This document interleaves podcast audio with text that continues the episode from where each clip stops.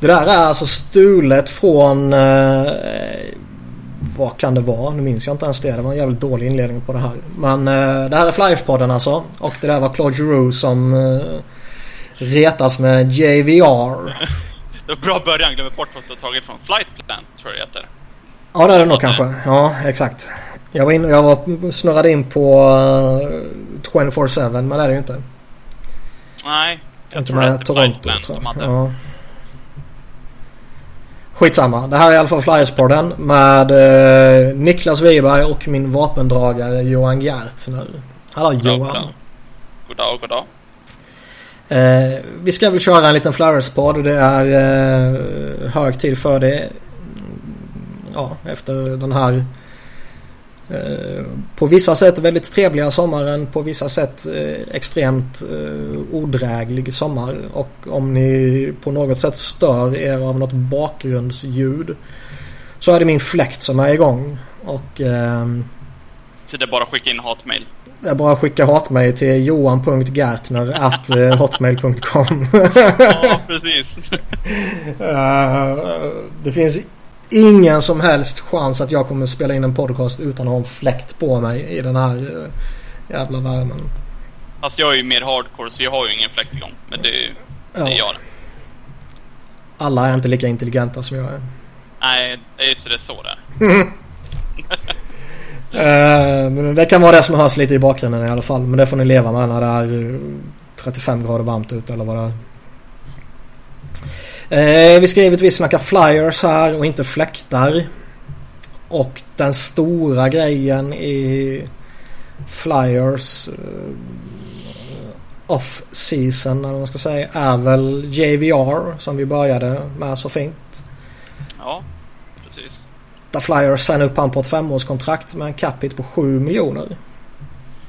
Ja, den är lite saftig ändå. Um, ja, det är den. Men jag tror ju att...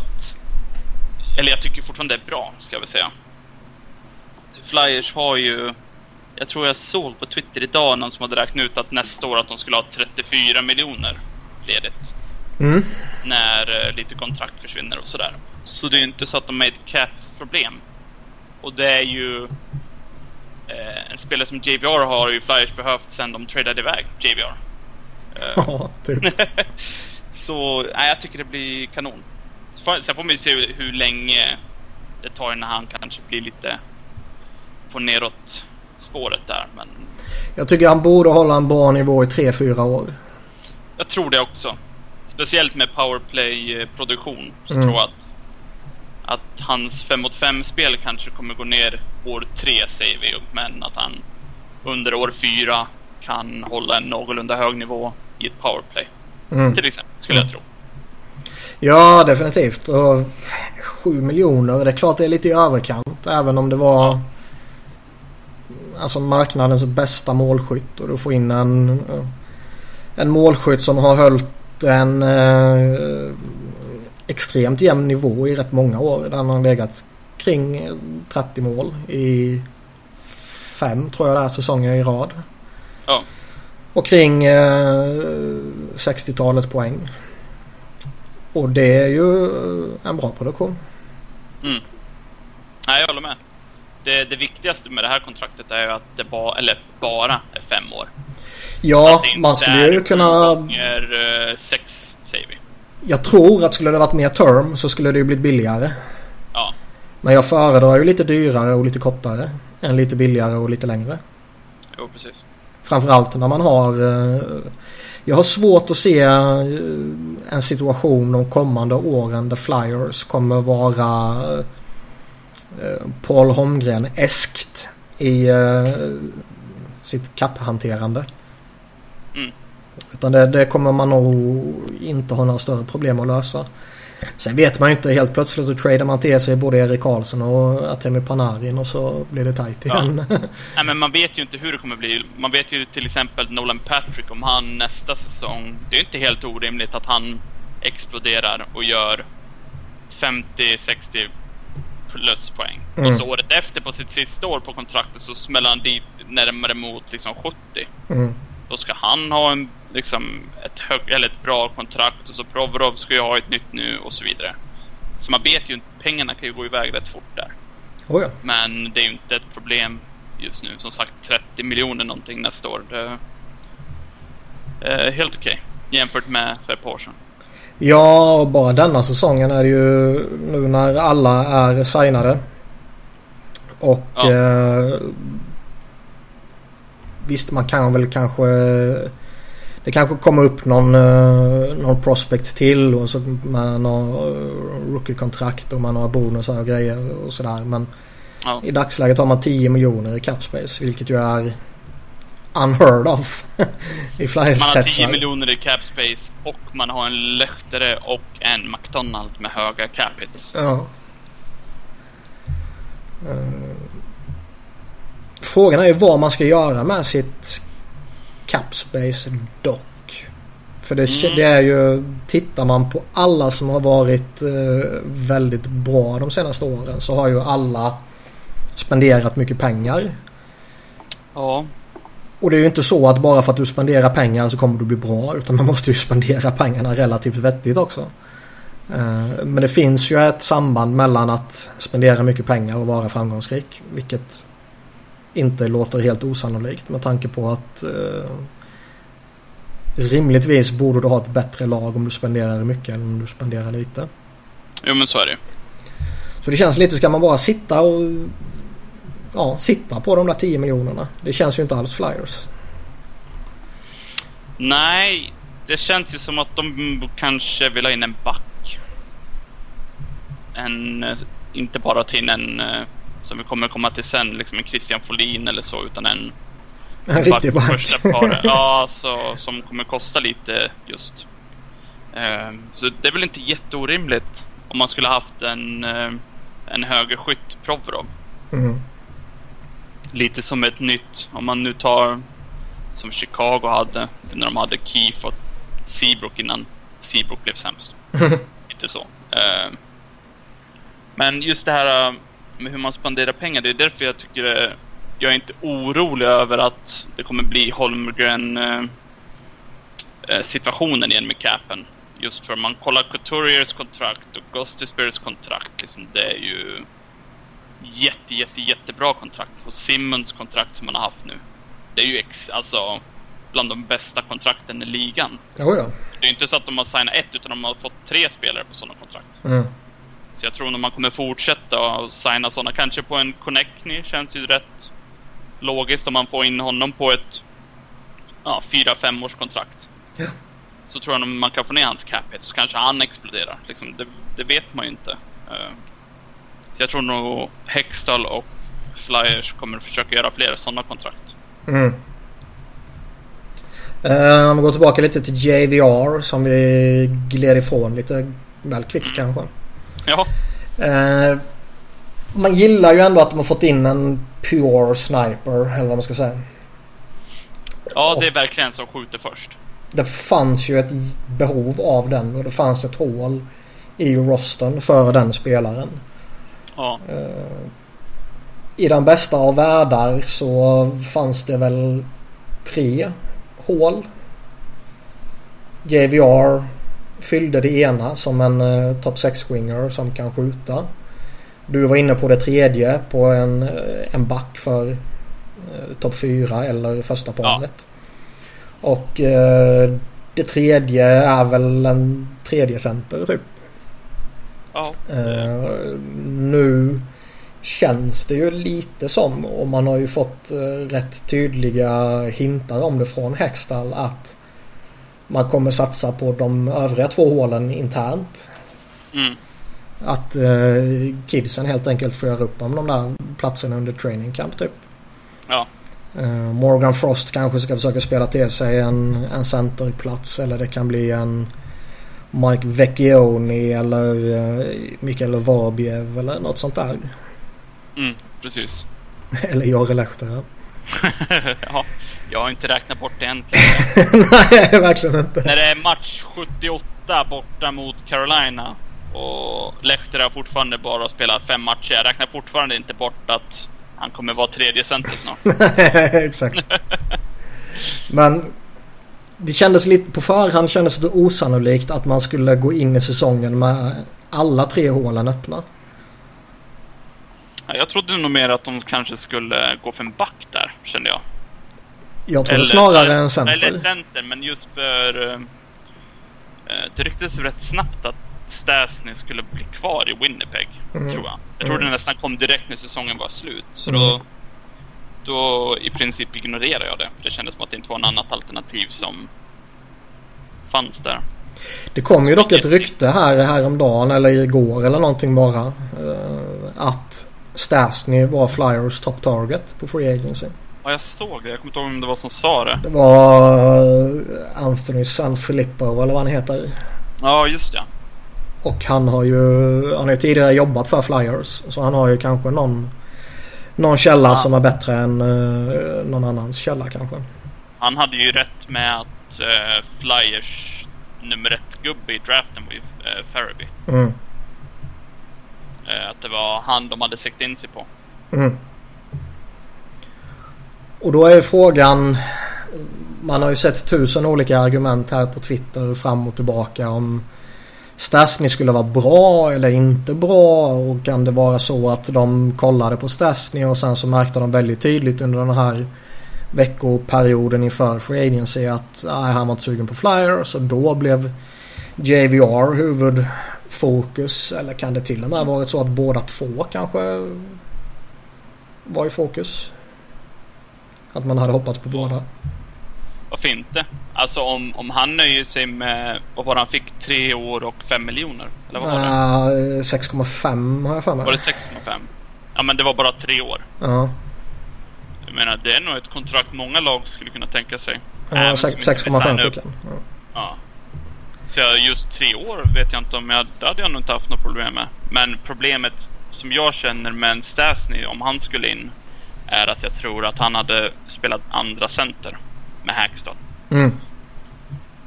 Och jag tycker inte riktigt han... Eh, han hänger inte riktigt med längre. Han, är, han har ju aldrig varit den bästa skridskoåkaren. Men han har ju inte blivit bättre med åldern direkt. Jag skulle vilja säga att han skulle vara typ en ultimat tredje center Men eh, ja. att han aldrig skulle vara tredje center. Nej men lite där så jag känner att de faktiskt dodgar en kula där.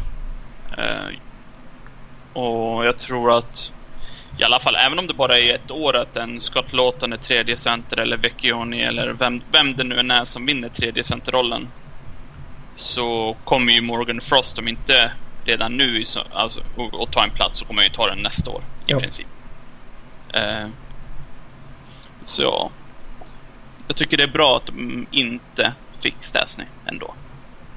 Och jag gillar att man lämnar hål öppna för sina egna spelare att, att slåss om. Ja. Framförallt när man har byggt upp, om inte den bästa så definitivt en av de bästa prospectpoolerna i ligan. Då måste man ju ge de spelarna möjligheten att faktiskt knipa platser. Ja. Jag tror ju, jag såg någonstans om det var Charlie O'Connor som skrev eller vem det nu var att när Låten förra säsongen spelade en tredje centerroll eller istid eller vad det nu var att hans eh, advanced stats var bra. Nu var ju det inte en jättestor sample size. Att, Nej, men det var typ under februari där de hade gått 10-0-2 i sitt record eller något sånt där. Och hade ju varit helt fantastiska.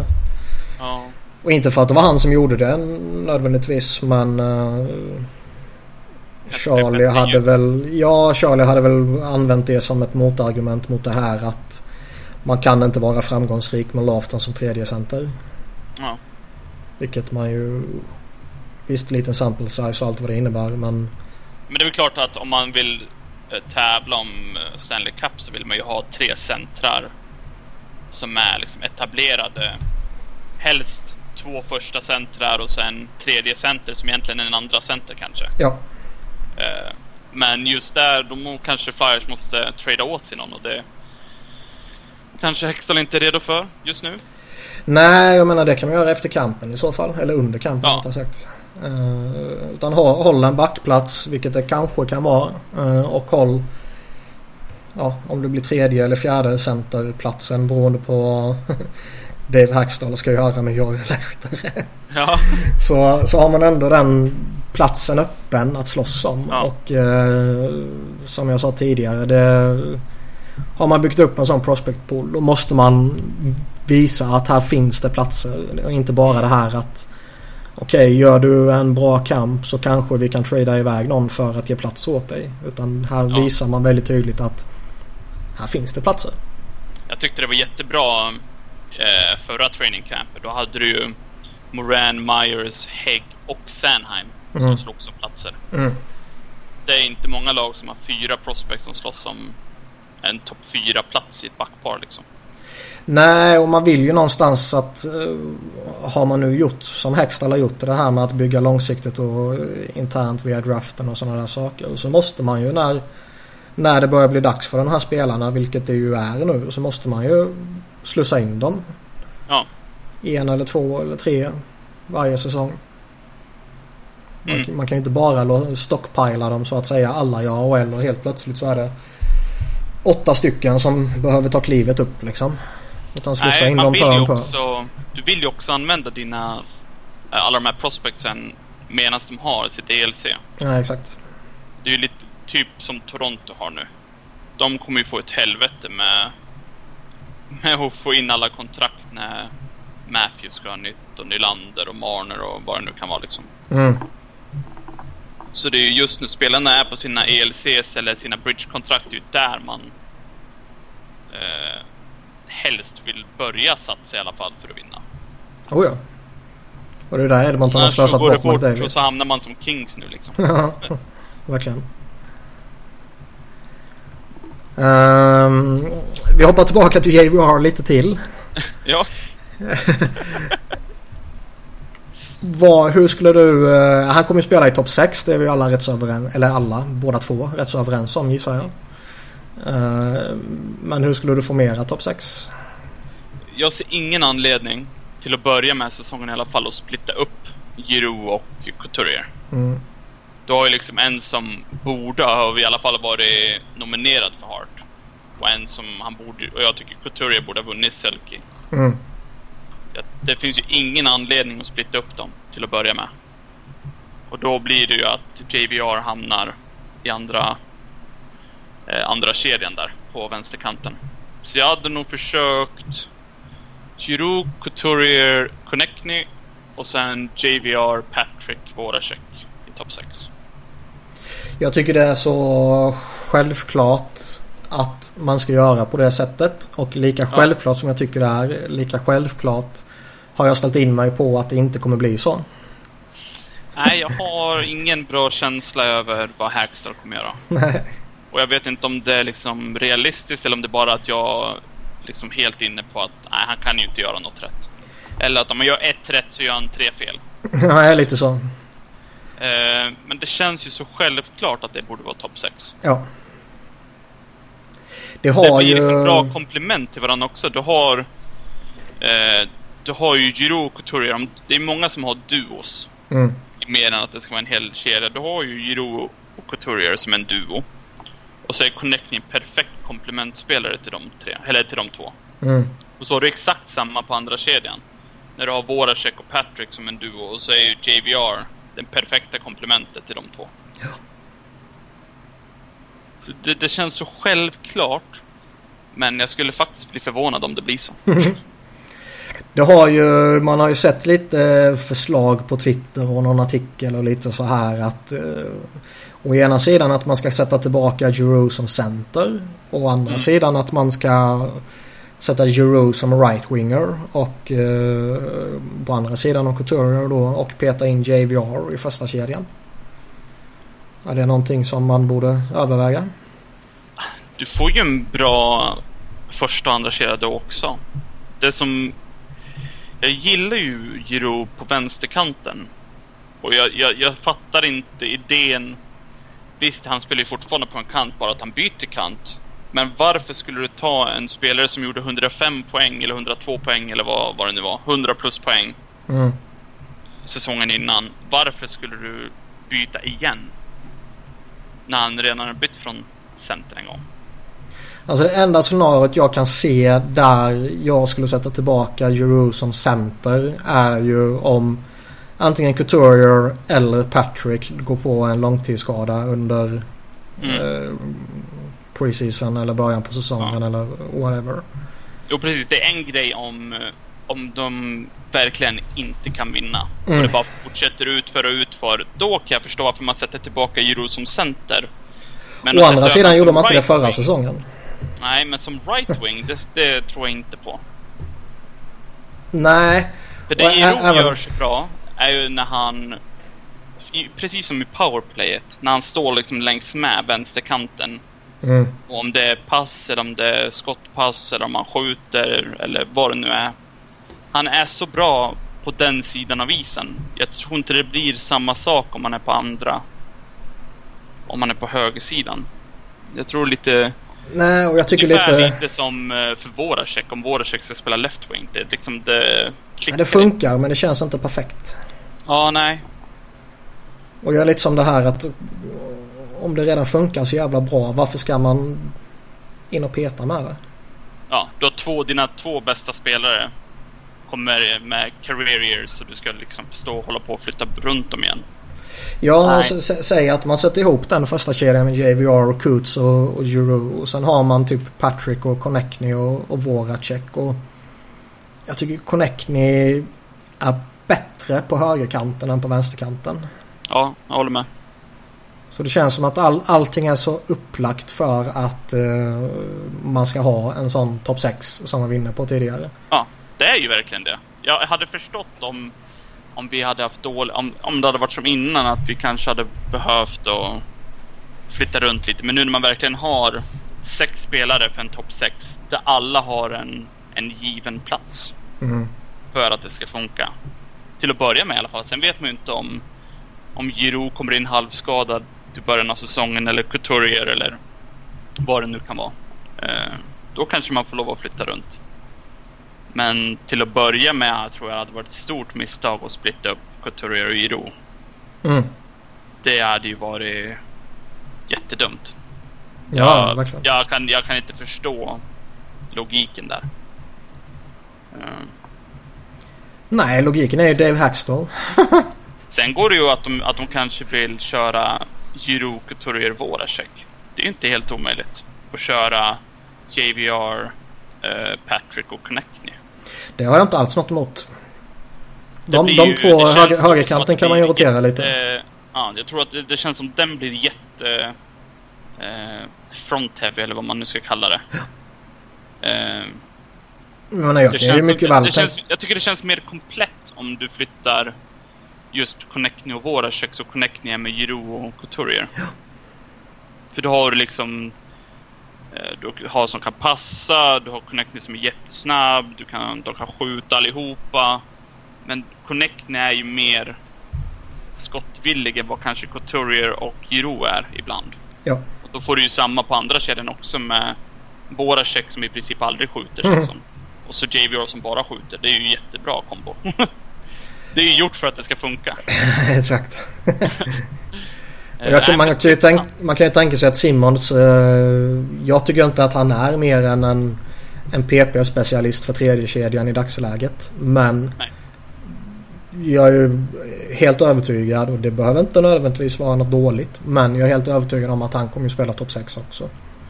Inte bara på grund av att någon blir skadad utan Mm.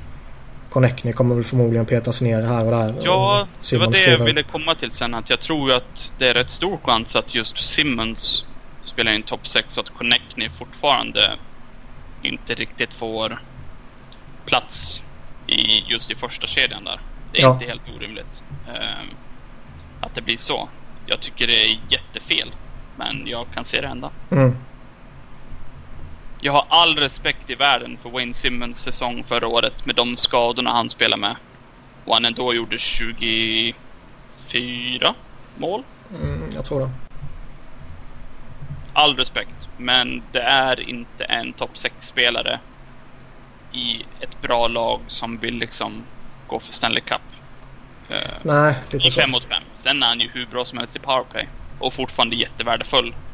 På alla sätt och vis. Men just... Varför inte ha en i en tredje kedja? Jag tycker det är perfekt. Ja, och man har ju en tredje se- kedja som i alla fall på kanterna rimligtvis borde kännas satt. Med Simmons på högerkanten och Oskar Lindblom på vänsterkanten. Ja. Och där det då finns en lucka som tredje center. Och Ja, peta in Jore Lehtera där är ju så jävla korkat så det finns inte. mm. Uh, Scott Lafton. Det känns inte ultimat. Nej. Men hellre han än Lehtera. Det känns som att om du har låten där så har du... Att, att det kommer funka. Det kommer vara okej. Mm. Om det är i en, i en säsong eller så som jag sa förut. Det är liksom, det är okej. Han kommer kanske inte liksom göra jättemycket poäng eller så. Men det, jag tror det kommer funka bra som en tredje kedja. Men om du sätter Lehtere på den så kommer han att dra ner kedjan istället. Oh, ja. Och då får vi samma problem igen att eh, laget får ingen hjälp av botten 6. Mm. Ett intressant scenario som Hextall har nämnt, eh, inte bara en gång utan typ tre, fyra gånger utan att han har fått ens en direkt fråga om det utan han bara på, på eget bevåg eh, nämner Jordan Wheel som alternativ för tredje centerrollen. Ja. Han kommer ju från en jättedålig säsong. Men han var ju också lite, lite skadeproblem tidigt och lite olika skit och kom aldrig riktigt igång och, det känns som att när han aldrig riktigt kom igång så Mm. fick han aldrig chansen. Typ. Nej, alltså jag, jag tror ju fortfarande att han är bättre än vad han visar. Det tror jag. Men jag Absolut. vet inte om... Jag känner att eh, det, det kommer nog bli samma som om Laton spelar där. Så jag tror inte det blir någon jätteuppgradering. Men jag tror, tror det är finns lite mer att off- Wheel, att Ja. Wheel eh, inte exploderar men att han, hans produktion eh, kommer igång än vad det är att Lawtons kommer igång. Nej exakt, jag tänkte säga det. Det finns nog lite mer offensiv potential i Jordan Wheel som ändå Ja. har varit en väldigt duktig och effektiv och framgångsrik center på alla nivåer tidigare. Ja. Han är bra defensivt. Han får inte riktigt... Han får lite väl mycket skit för att han är en liten spelare. Ja, han är faktiskt helt okej i... Liksom, han jobbar ju alltid stenhårt och sådär. Det är väl Mm. lite mer... Eh, jag tror det är lite samma just som med Laton, men att det finns mer offensiv i Wheel. Så det kanske kan bli skitbra med Simmons och Lindblom. Om det nu blir Ja. den tredje kedjan. Det, Han är, ju- han är, ju- det, det är ju lite playmaker över honom också. Vilket jag tror Mm. skulle passa de två rätt bra. man ska ju inte glömma, han är ju center. Han är center i grunden men han har sällan eh, tagit, eller rättare sagt fått den rollen i NHL.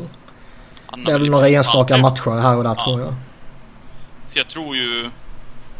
Eh, jag tror mer på att han kan nå den potentialen som man, som man tror han har som center i en tredje kedja än på kanten i en tredje kedja. Tror jag. Ja. Jag tror han kommer känna sig mer naturlig i mitten. Mm.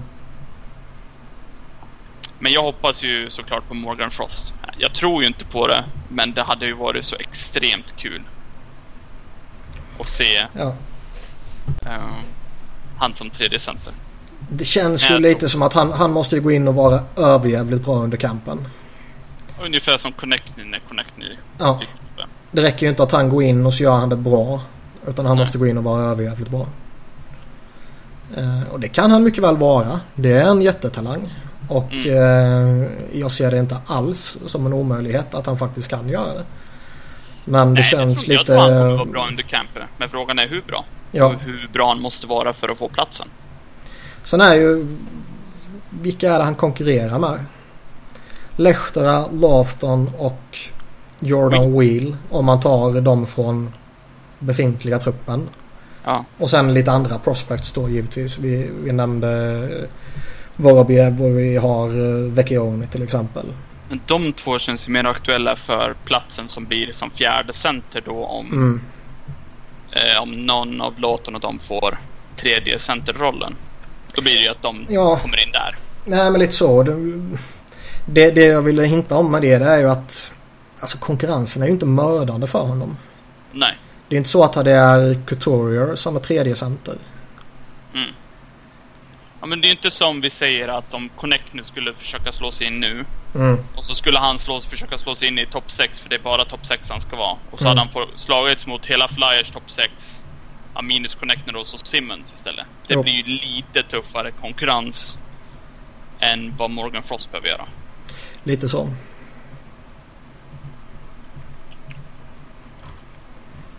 Nej, det ska bli intressant. Det blir ju den, det blir den roligaste att följa. Tycker jag. Tredje centerrollen där och hur de ställer upp med, med kedjorna. Backparen känns ju relativt klara. Jag hoppas ju jättemycket på Philip Myers. Men jag tror ju att... Jag är skeptisk. Jag, jag, jag, tror inte han kommer få... Jag tror han kommer bli uppkallad senare under säsongen. Jag tror inte han tar en plats. Det känns som det är Sanheim som kommer ta platsen på Phoenix och sen så kommer det vara samma Provighost och sen om det är Gudas och Sanheim eller om det är McDonald och Sanheim och så Hägg och någon mer i tredje paret. Det känns ja. inte som att Myers kommer ta en plats. Även fast jag tror att han är tillräckligt bra för att göra. Men det känns li lite... Det är lite för många framför honom helt enkelt. Mm. Alltså, Någon av AMAC och Gudas måste ju bort. Ja, och det tror jag inte sker. Nej, jag tror inte att Myers kommer komma in och vara så extremt dominant. Så att Hextall känner att ja, jag måste ju trada iväg Gudas eller McDonald. Nej, och jag har svårt att se att de skulle gå in i en säsong med bara två veteran, eller en veteran. Mm. För jag tror inte de räknar Ghost som veteran. Jag tror Ä de även... sa att de gjorde det. Jo, jo, och men... Provorov också, men jag tror inte att han kommer se det just på det sättet att när det kommer till hur många eh, av alla sex är. Men jag tror att just här i laget så tror jag de kommer räkna honom som... Jo, jo, men jo. Ja. Jag är med, men du är med på vad jag menar. Ja, jag, jag förstår. Jag håller med. Äldre backar om man säger så. Mm. Och eh, skicka iväg Godash och bara behålla McDonald eller tvärtom. Det känns osannolikt. Ja, jag tror inte det. Uh, Kanske nästa år, men inte denna säsongen. Jag tror nästa år absolut. Då, jag, då förväntar jag mig nästan att han ska ha en plats. Han Nej, jag, jag menar mer skicka någon av de två. Ah, Okej, okay. uh, Han fyller ju sånt behov, Myers. Just att oh ja. han, hur han är som back och att han är högerskytt. Men, ja. ja. Jag tror ju det blir Sanheim. Det borde bli Sanheim. Det är ju han som har stått på tur. Och han... Alltså jag tycker det är så. Det vore eh, jättemärkligt om inte han har en garanterad topp 6-plats. Ja, då kommer ju Twitter att explodera. Visst, alltså han kan ju gå in i kampen och han kan vara skitdålig. Ja. Då, eh, alltså det, vilka spelare kan gå in på en kamp och vara skitdåliga och ändå veta att ja, men jag har min plats i Game One. Om man pratar försvaret. Ghost Provorov givetvis. Ja, det är väl de två. Så typ McDonald är jag helt övertygad om. Ja. Mest för att han är eh, pappa. Alltså han har ju blivit nedskickad förut McDonald. Så det är ju inte så att Hextall Fast det var ju lite mer kapp... Eh, ja. De var tvungna, eller inte kapp, men mer eh, en var tvungen att petas bort och det var han som gjorde det enklast. Typ. Ja, så kanske det var. För att ingen kommer plocka honom och då tappar vi inte en... Ja, då spräckte du den bubblan. då var det förstört. Ja. ja men tack för idag då. Ja. Nej men jag, jag, tror lite att eh, då, då var det lite andra veteraner i laget också när de gjorde det. Nu är det liksom han som är den veteranen. Ja, han är ju veteranen av alla veteraner. Ja. Så jag tror det är han och Ghost och Provorov som vad de än gör så, så är de nog safe. Ja. Gudas är långt ifrån safe med tanke på förra säsongen.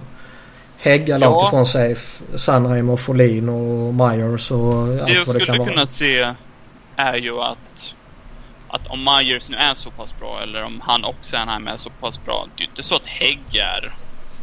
Jag tror inte de räknar Hägg som en spelare som måste spela om nej, han är i NHL. Så jag tror ju att det skulle kunna bli att Hägg blir petad till sjunde back och så blir det Sanheim och Myers och så kommer de att wava Folin eller någonting. Ja. Eller om de, hur de nu väljer att göra. Mm. Det är inte jätteorimligt men det känns som att Hägg måste spela väldigt dåligt samtidigt som Myers måste spela jävligt bra för att det ska hända. Lite så. Det kan hända men jag räknar ju inte med det. Nej, lite så. Och det känns väl ändå som att... Vad ska man säga? Alltså... De, de, kom, de kommer släppa in kidsen bland forwardsbesättningen detta training camp tror jag. Mm. Och sen har de de sju backarna som är signade nu är de sju man kommer inleda med. Och sen kanske det ser helt annorlunda ut i december eller mars. Men Ja. lite så det hade varit intressant just med Moran om inte han hade varit skadad just för att han inte är waiver exempt längre. Han skulle ju varit given upp i NHL. Det tror jag. Ja, Sen kanske han inte skulle varit eh, en av sex. Utan han kanske skulle varit sjunde back. Ja, men frågan är om de, de hade sett honom som en Gudas replacement. Och om då hade sökt trade iväg Gudas. Mm. För just nu så har man ju ingen som har den spelartypen. Det är väl liksom Hägg, visst han tacklas mycket men han är ju inte... Inte riktigt den... Uh, fysi, alltså fysiska... Jag inte ska försöka lägga fram det. Det är ju två spelare som tacklas mycket men det är inte samma typer av tacklingar. Nej, Gudas är ju fruktad. Ja. Och det är ju lite där Moran också hade varit väldigt snabbt i NHL. Ja. Ehm. ja. Ja, det hade varit intressant om nu inte han hade åkt på den här skadan. Mm.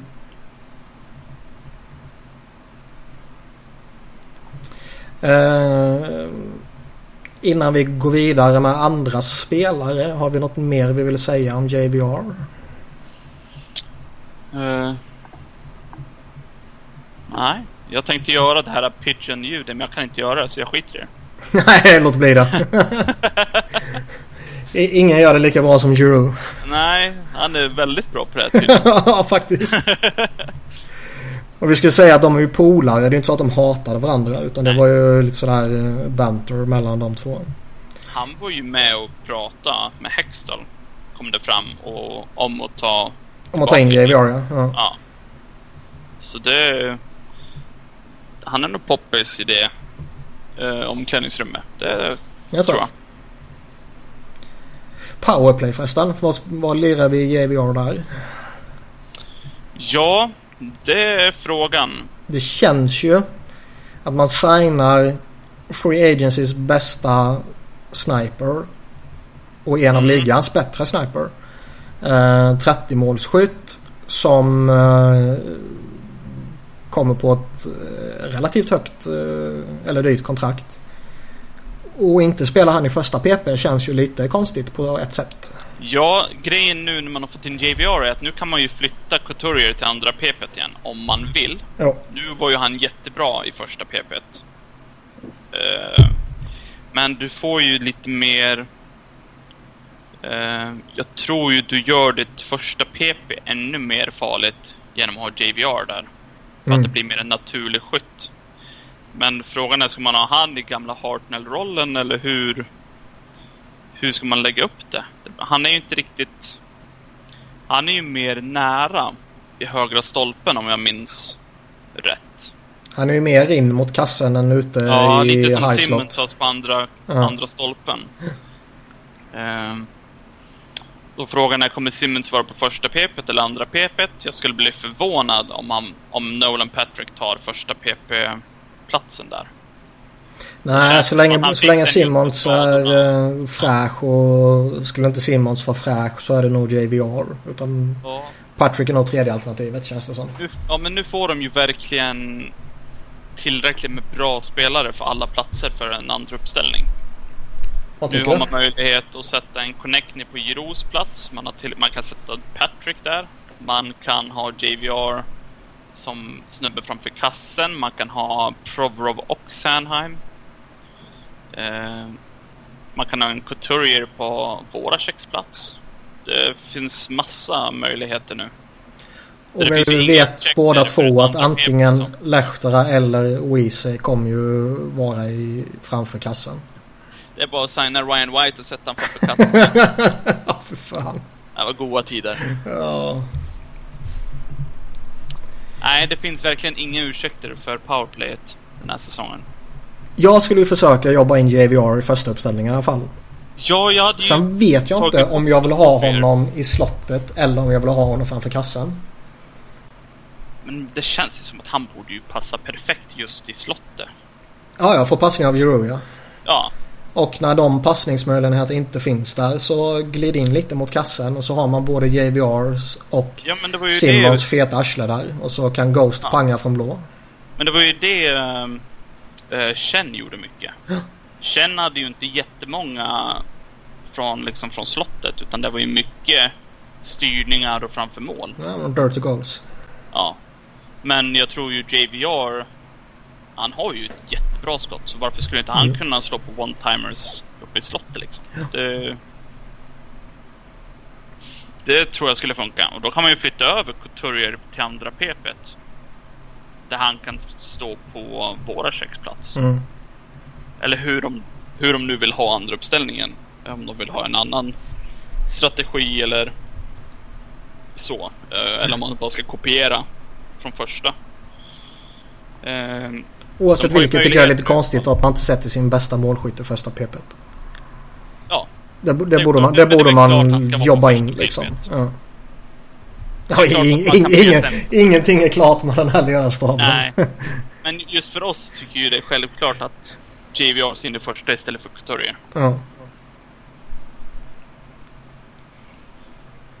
Men det bevisar ju hur mycket offensiv kraft de har. När man sitter och funderar på om man ska ha en 36 målskytt eller hur många mål han gjorde i första eller andra PP eller... Ja men vi har en... Vår första center hade 76 poäng och 31 kassor förra säsongen. Ska vi ha en i första eller andra PP? Det, är- det är frågan. Det är lite... Det finns lite djup där nu. Så är det. Uh, ska vi gå vidare med lite andra kontrakt och spelare då? Vi Mm. kommer säkert komma tillbaka till JVR. Christian Folin! Christian Folin, den stora eh, superbacken.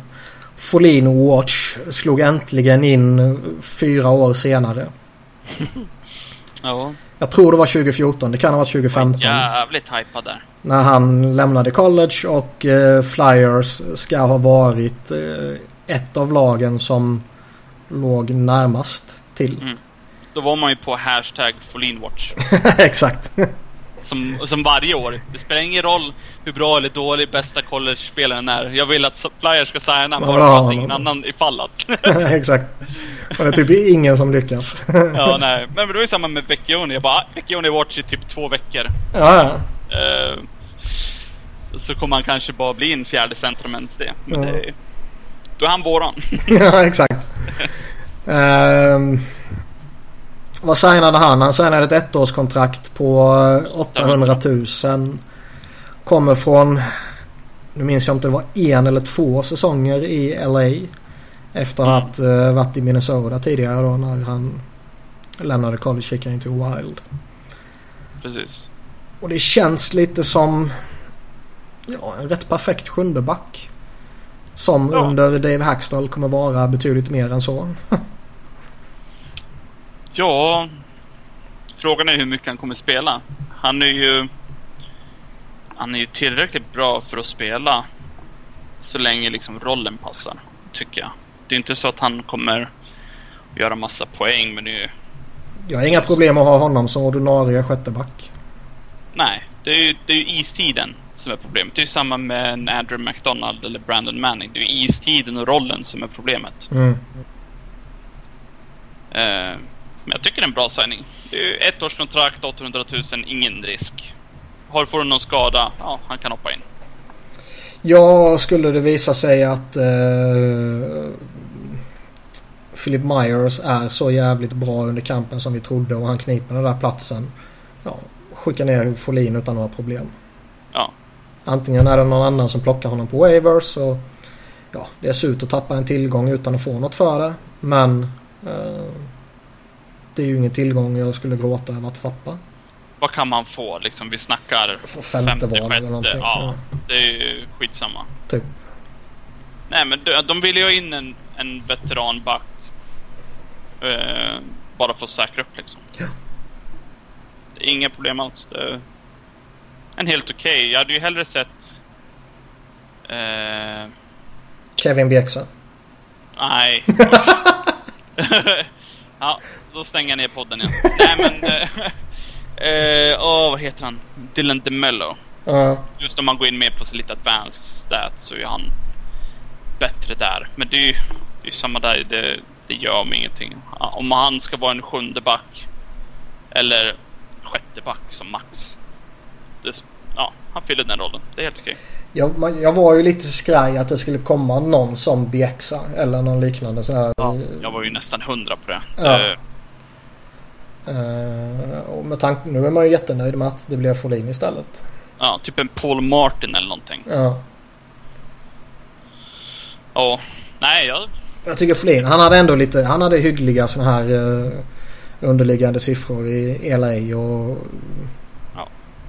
han borde funka om han lirar ordinarie. Så länge det inte är som Ja. tredje back eller någonting. du och jag har ju kommit överens om att han är ju inte svensk. Så han heter ju Christian Folan. Exakt. Vi får inte ha för många jävla svenskar i det här laget. nej, precis.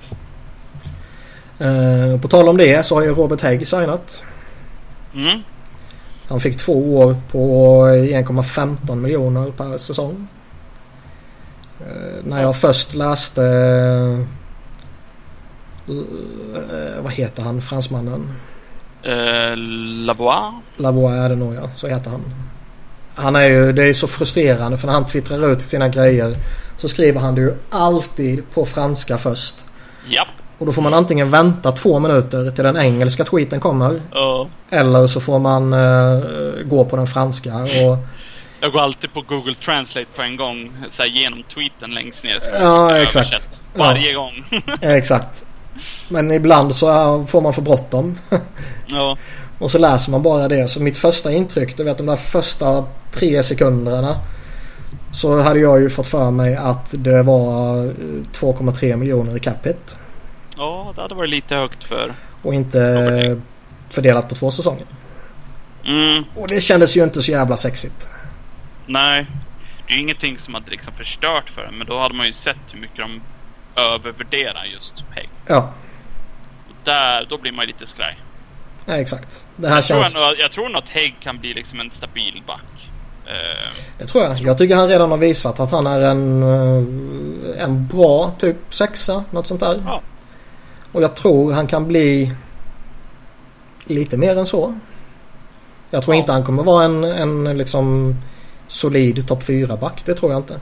Men jag tror han kan vara en, en, en NHL-back som spelar liksom 70 plus matcher per säsong. Mm. Och liksom, du, du får inte mycket offensiv men han liksom kan döda utvisningar och stabilt defensiv. Ja, Jag menar, det, det är ju hur bra som helst liksom. Det är ju inte så att alla kan vara offensiva superstars. Nej, Kan du drafta en back som blir en NHL-spelare så det tar man ju alla dagar i veckan. helt klart. Så jag tycker det, jag tycker det är ett bra kontrakt. Han liksom får två år. Det är lite som Moran. Han fick också ett tvåårskontrakt va? Fick han inte det? Eller fick Tre han, år till och med. fick han, fick han tre, men han blir ju borta i ett år i princip. Ja, han är ju borta till typ februari verkar det som. Ja. Så nej, jag tycker det, det är inga konstigheter. Nej, rätt eh, osexig spelare, rätt tråkig spelare och, och sådär. Så vi kan väl gå vidare. Ja. Eh, Du var inne på Sam Moran. Han fick ett treårskontrakt på 700 000 per säsong. Och eh, som sagt skadad. Eh, Vad det verkar som kommer han vara borta till februari. Eh, Kan kanske göra comeback tidigare än så. Mm. Men eh, jag tror det var Charlie O'Connor som hade en konspirationsteori. Okej. Att jag i eh, en konkurrerande Flyers-podd eh, Broad Street Hockeys eh, podd som ju är den Ja, näst det, bästa nej, det där Flyers-podden. får vi censurera. Ja. Nej. Men eh, där han nämnde någonting då att eh, om de nu vet vad det är för skada och de vet hur lång tid det tar då kan de lika gärna säga det direkt. Och så gör de väldigt tydligt med att han kommer vara borta så här länge för då kan han vara borta så länge. Mm. Istället för att Nej men han är borta till november och sen så dröjer det hela vägen och, och så liksom för anledningen som Charlie då funderade över var ju att han eh, som du var inne på tidigare kan ju inte passera waivers längre. Nej. Utan väntar man då ut februari och trade deadline så kan man ju sen fylla upp laget efter det. Jo, oh, precis. Och då eh, är han redo för comeback så man slipper och eh, liksom riskera något. Nej, precis. Man behöver inte skicka ner en. Du kan ha mm. han kvar liksom. Mm. Jag tror ju man fick ner hans capit lite genom att ge en, att han får det där extra året. Ja, och det känns ju som att det här är... Uh, signa Sam Moran kommer ju aldrig vara på ett treårskontrakt. Kommer ju aldrig vara en sån här snilleblixt så liksom. Men Nej. det känns... Och jag, jag menar inte att det är fyndpotential. Men det känns ändå lite som att... Nej, det här är rätt jävla bra ändå. Man signar honom på treårskontrakt som är billigt. Och uh, antingen får man en NHL-spelare på två år vad det rimligtvis blir då typ på ett, mm. på ett väldigt gynnsamt kontrakt. Eller ja. så får man en bra AHL-spelare på en fair AHL-lön typ. Det är ju inte jätteorealistiskt. Vi ser att han kommer tillbaka i februari som det sägs. Och så är han lite småknackig, liksom lite ringrostig, självklart varit borta länge. Och så, eh, så kommer han in till sommaren efter nästa säsong och så, stenhårt och så kommer han i bra form och jättetaggad på att ta en plats. När han kommer in på sitt andra år av, tredje år, eller av treårskontraktet. Och så tar han en plats och en NHL-spelare i två år för 700 000. Ja. Det är ju liksom...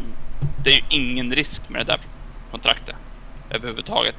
Nej, nej, verkligen inte. Jag ser bara positiva saker med det. Ja. Så det... Jag tycker det är så synd. Jag tycker synd om honom.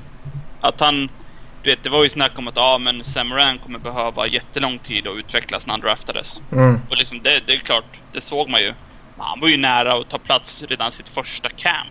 Snackades ju bara oj, han var ju bättre än vad, vad vi trodde och närmare, närmare än vad vi trodde. Så går det år efter år efter år. Och så nu när han väl i, i princip är garanterad en plats. Så blir han skadad. Ja. Långtidsskadad verkligen. Ja, och han skulle ju tagit en plats förra eh, kampen ja. om han inte skulle bli skadad då också. Och nu är det ju i princip... Det var väl en skitgrej han blev skadad på. Fastnade inte med skridskon i isen typ. Jag minns fan inte vad det var. Jag för mig det var det. Och han bred om knät eller vad, vad mm. det nu var. Ja, jag minns faktiskt inte. Men nu är det ju i princip två säsongers utveckling som går åt helvete. Mm. Den gångna säsongen här nu så gjorde han två matcher för Flyers och 15 för Phantoms plus tre slutspelsmatcher. Och eh, kan det bli något liknande denna säsongen kanske? Jag skulle tro det. Ja. Och eh, det känns ju... Det är ju inte vad man behöver som... Det var knät. Ja. Nej, det är inte riktigt vad man behöver i hans läge. Nej. Man vill ju... Jag har ju aldrig varit jättehypad just på Samaran jag tror att han kan fylla en bra roll i ett PK och just defensivt om man blir den spelaren realistiskt han kan bli i NHL. Inte att man tror att han ska bli en topp 4-back liksom. Men det mm. känns som att han skulle kunna bli en bättre hägg. Just så defensivt. Att just med sin eh, långa klubba, att han liksom är jävligt stor och, och allt det där. Men man vill ju se ifall han kan bli det. Nu har man ju väntat på honom sen för evigt känns det som. Ja. Han draftades 2013. Vi har sett han tre matcher. Ja. Så nu, man kommer ju till det stadiet, jag vill bara se om han verkligen kan bli en NHL-spelare. Ja, och lite som du var inne på. Jag tror han kommer fylla en funktion om han når den potentialen som, som han ja. borde ha. Det snackades ju om typ nästa Pronger och grejer, men det kommer ju... Det alltså, han, han, att, eh, Nej, nej, han, han kommer ju inte bli en av tidernas bästa backar. Däremot så är han ju... Det är ju lite pronger över honom sett till spelstil och storlek och, och sådana saker. Ja. Sen är ingen, ingen jämförelse med Pronger i eh, skicklighet och sådana saker. Nej, Utan det är mer att båda var jävligt stora, båda kunde vara jävligt fula och hårda och så vidare. Och eh, påminner lite om varandra i typ kroppsspråk eller vad man ska säga när de spelar. Ja. Men det är klart att en Moran om man når att han blir en, liksom, det känns som bästa läget så kan han bli en femma. Ja. Men blir han en femma eller sexa och han är liksom med i ditt boxplay. Det är ju liksom, det är ju bra. Sen så kommer man alltid komma tillbaka att han blev draftad för högt och så vidare och så vidare. Jo, jo, men det är inte Men så fel. länge han blir en NHL-spelare och han fyller en viktig roll så, ja. Det gör inte mig något. Han är ju rolig att se på. Oh, ja. Och man vill ju ha honom mot eh, Pittsburgh och Rangers Ja, och Devils. jag vill ju och... att han ska ta en plats. Alltså hur oberoende, liksom, eller hur mycket jag inte liksom tycker om honom jämfört med andra back prospects så vill jag ju att han ska ta en plats just för att han fyller en funktion som ingen annan gör. Nej men så är det. Man vill ha honom i backbesättning. Sen vill man inte ha honom där före en Sandheim eller Myers eller vad det nu kan Nej, vara. precis. Utan som komplement till dem. Ja. Men det, det får vi vänta på. Ja, vi har ju inte väntat tillräckligt tydligen. Nej, exakt. eh, en annan spelare är ju Taylor Lair. Som signar ett ettårskontrakt på eh, typ 720 000. Mm. Och jag vet inte riktigt var man har honom. Nej, jag tror att hans ceiling är en, en okej fjärde, spe- eller liksom fjärde kedjespelare. Mm. Eh, jag kommer inte göra mycket offensivt. Liksom, det är en, han kan åka skridskor och han är helt okej defensivt och jobbar stenhårt. Det är liksom... Det är inget jätte märkvärdigt så, men jag tycker att han oförtjänt hamnade liksom i Hagstalls doghouse. Och blev liksom scratchad 50 matcher. Men det är så konstigt om man tittar på vilka spelare som Hackstall har övervärderat så sjukt de senaste åren med Bellemare och Van der Velde och Lehtar och allt sånt här. Så Ja. Taylor Lair borde ju vara den spelaren. Sett till vad han gör på isen. Men han är, ju- han är ju typ vad Hackstall tror att de andra är. Ja, lite så. Det, är- det är ju lite så. Exakt. faktiskt. Du har alltså, i Taylor Lair så har du en egen draftad spelare. Som liksom han kan döda utvisningar och liksom får check i en fjärde kedja. Det är liksom en, en depth-spelare. Det är ingen som förlorar sömn för att han är scratchad 10 matcher, 20 matcher i rad. Nej. Men du har ju en spelare där som du kan ha ifall någon blir skadad eller du vill ändra om i en fjärde kedja. Den, deras fjärde kedja funkar ju jättebra med... Vilka var det? Det var Lawton, Lear och... Skit. De kallades Honeybees. Mm. Vem var tredje länken?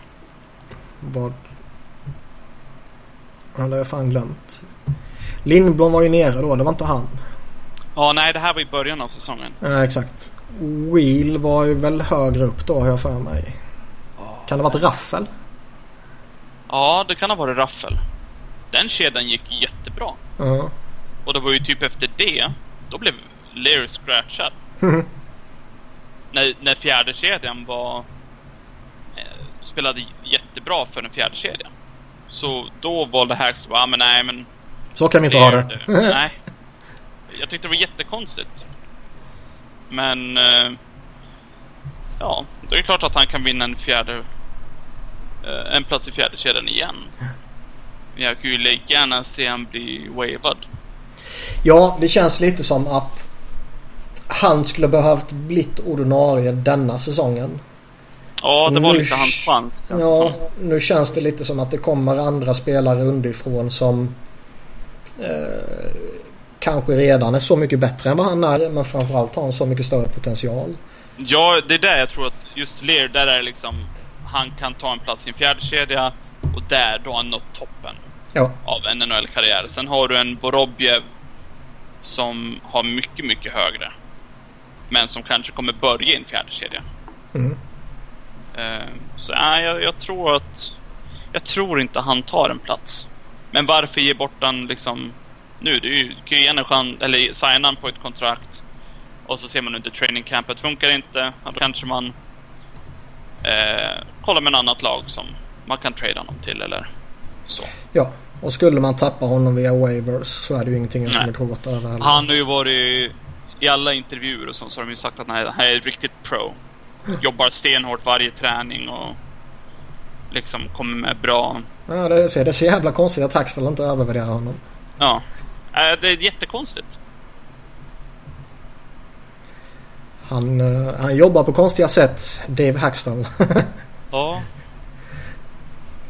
ja uh, vi har ju andra kontakt som har signat också två målvakter. Mm. Uh, målvaktssituationen är ju faktiskt inte bara i NHL utan inom hela organisationen väldigt spännande. Uh, vi alla väntar på Carter Hart, resten bryr man typ sig inte Förrän man vet vad Carter Hart är. Ja, lite så. men, men, Alex Lyon signade ett tvåårskontrakt på 750k per säsong och uh, Anthony Stålarts ett ettårskontrakt på uh, typ 760 000. Och uh,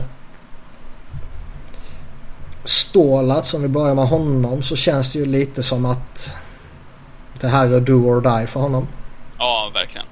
Det är inte mycket snack om det. Jag tycker ju synd om han också. Just att han får skador på så taskig timing. Mm. Så nu har ju Alex Lyon gått om honom. Ja. Genom liksom just på grund av Stolars skador och hur bra han var förra säsongen. När han fick spela NHL och i AHL. Så målvaktssituationen efter säsongen som kommer nu, den blir... Eh,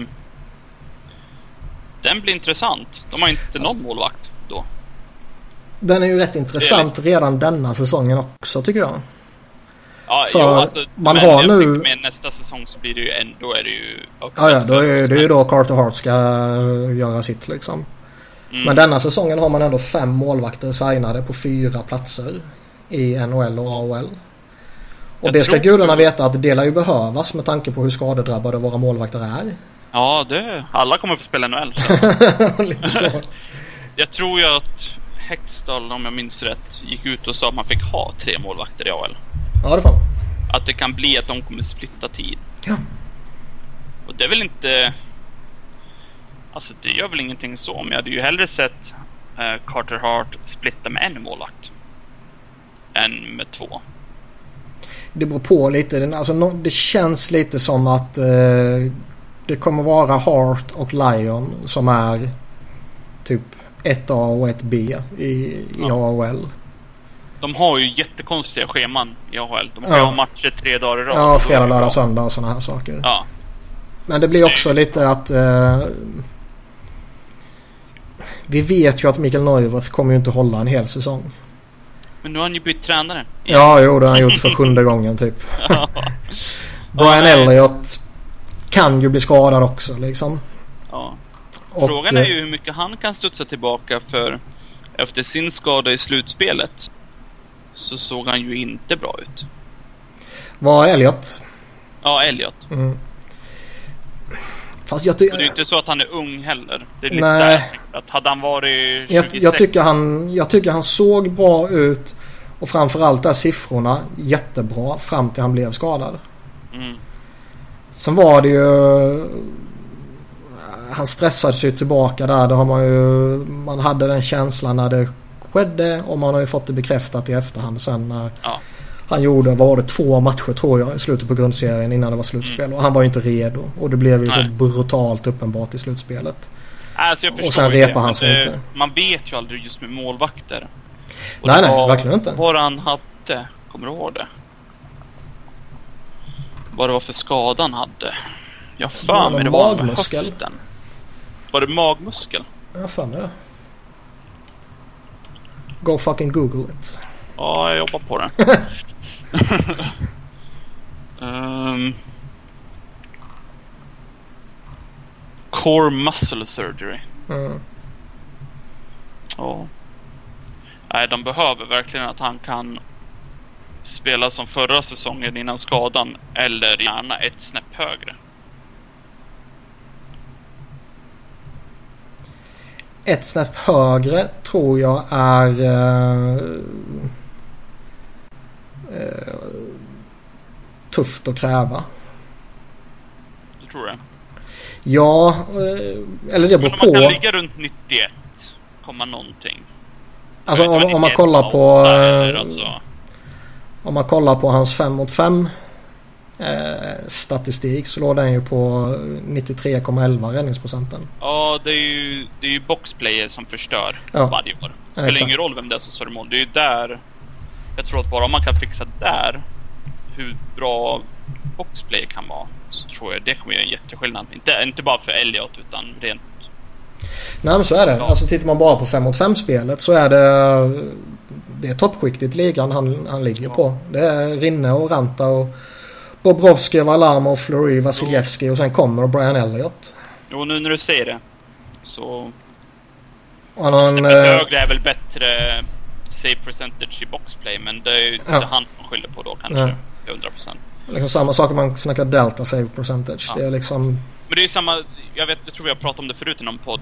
om, nu ska jag tillägga det att om man tar alla målvakter med minst 2000 5 mot 5 minuter. Mm. Så man sorterar ut de som inte spelar så Ja, mycket. jo precis det jag tänkte säga, han gjorde många räddningar i väldigt viktiga lägen förra säsongen. Ja. Även i matcher som att han kanske slutade på...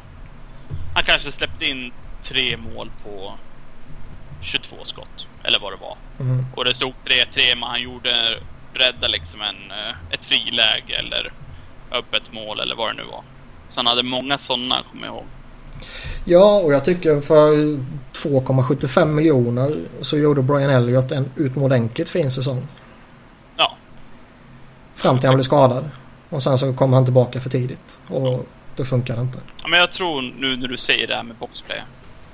Så eh, om det fixar sig så kommer ju hans... Då kommer han ju komma över 91, någonting. Totalt. Mm. Och då ser det ju väldigt mycket bättre ut. Men så. är vi så jävla trygga i att det kommer fixa sig då?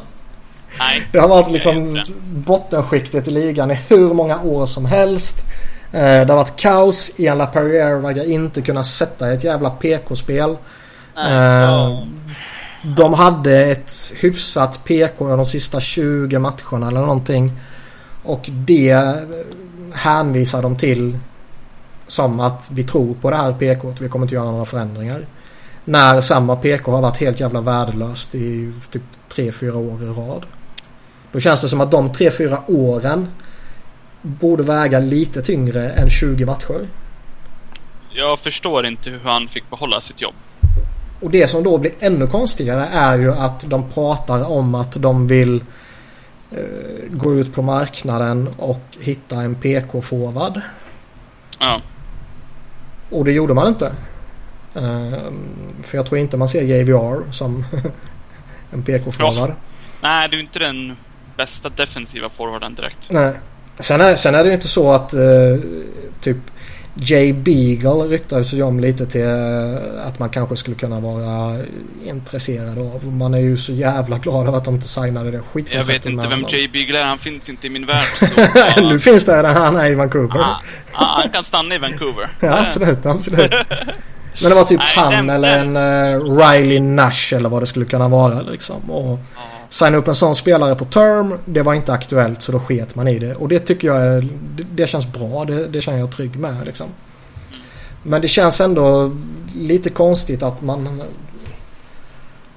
Kan man verkligen övervärdera 20 matcher så grovt och säga att man kommer gå för att förbättra sitt PK, sen inte göra det. Även om det är fullt legitima anledningar till att man inte gör det. Men kan man göra det och sen hoppas att det kommer bli bättre? Du har ju i princip samma spelare. Hur, du har samma spelare och du har samma coach. Ja. Både headcoach och PK-coach. Jag tycker det, det, det konstigaste är att de, de sparkar Joe Mullen som powerplay coach. Mm. När han år in och år ut har varit topp 10. Sen så är ju det tack vare en första ställning. Förutom året man hade Jager och Breer i andra ställningen mm. 2010. Eller vad det var. 12. 12 menar jag, förlåt. 12. Uh, så jag förstår ju att de vill göra powerplay bättre. Och jag är okej okay med att de liksom ville ta in en ny coach. för att coacha powerplayer men att de inte har tagit in Framförallt när det var en ung, ny, spännande coach. Ja. Att de inte gör det med boxplayet är ju helt... Som ligger botten år in och år ut. Till slut så kan det ju inte vara spelarna. Nej, lite så. Och det är inte så att de har dåliga boxplay-spelare. Du har ju liksom Sean Couturier. Du har Giroud som kan döda utvisningar. Du har Simmons som är bra på att döda utvisningar. Du har Provorov och du, liksom, du har Gudas som är bra. Det spelar ingen roll vem som står i mål. Det, nej, jag förstår inte hur han får behålla sitt jobb. Jag gör verkligen inte det. Eh, det blev ju lite intressant också när Matt Reed kom upp mot slutet på säsongen. Fick spela lite PK. Och han är ju bra i den rollen. Så mm. det kändes som att när han kom upp och, och kom in där så det borde ha påverkat lite bättre.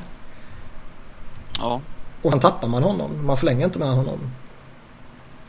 Jag säger inte att man skulle förlängt med Matt Reed. Eh, även om det skulle varit för 650 000 eller vad han nu fick av Minnesota. Jag minns inte. Eh, utan det är väl rätt att släppa honom och, och, som vi var inne på tidigare att göra plats för kidsen. Ja, inte bara visa att, att du har möjlighet att konkurrera ut någon utan här finns det. Ja. ja. Men det känns ändå alltså om PK nu var ett mål man hade eller att åtgärda PK nu var ett mål man hade. Borde inte Reed varit aktuell för att stanna då? Jag tycker ju det. Och kanske släppa en Taylor Lair istället. Eller kanske köpa ut en Lehtera istället. Eller whatever. Jo. Jag håller med. Jag hade inte haft någonting emot om de hade signat Matt Reed på ett år 650 000 eller vad han nu fick i Minnesota. Nej. Men hade de gjort det och sen haft kvar Lehtere eller så. Att de inte hade tagit bort någon annan. Så då blir det ju att han tar en plats från kidsen. Ja, exakt. Och därför är det rätt att släppa honom. Ja. ja. Men ja, jag vet inte hur de ska fixa boxplay. De kan ju börja med att sluta låta motståndarna stå helt fria framför mål. ja. Det kan ju vara början. Det känns ju som att eh, nu kommer det ju dröja en säsong men när Sam Moran väl tar sig till NHL, om han tar sig till NHL så kommer han ju hjälpa där ju. Ja, han, han, kom, han kommer ju, nej, han kommer ju kötta framför kassan. Men man tycker ju att det borde ju Gudas kunna göra betydligt mer än vad han gör. Hägg också. Hägg borde kunna göra det mycket mer. Sen att Provorov, även om han är sjukt bra, han är en uh, Norris-vinnare in the making liksom. Så är det ju inte, det är inte musklerna som är hans största tillgång om man säger så. Nej, nej, alltså han är ju en biffig kille så, men nej, det är ju inte där han... Nej, han är ingen Godas som bara Nej. kan flytta på folk egentligen. Uh, men även han och McDonald de här de borde bara kunna screena bort folk. Eller bara lyfta klubban och grejer och allt sånt där. Nej, då släpper man dem helt fria istället. Jag tror det måste ju Det vara måste vara en direktiv. taktik. Eftersom det, det sker hela direktiv. tiden. Ja. ja. Och så ser man när Flyers, eh, när deras powerplay inte inte gör någonting utan det, allting går åt helvete. De tappar puck. Vad är motståndarna då? Jo, de pressar mm. hårt. Speciellt på Giro som ska spela eller som ska föra powerplayet. Mm. Så fort motståndarna sätter press så blir det ju väldigt mycket svårare. Oh. Flyers sätter noll press. De tar sina fyra positioner och så står de där typ. Till man tappar dem. ja men, men typ. Uh, nej, jag uh, hade blivit väldigt glad om de bytte PK-coach.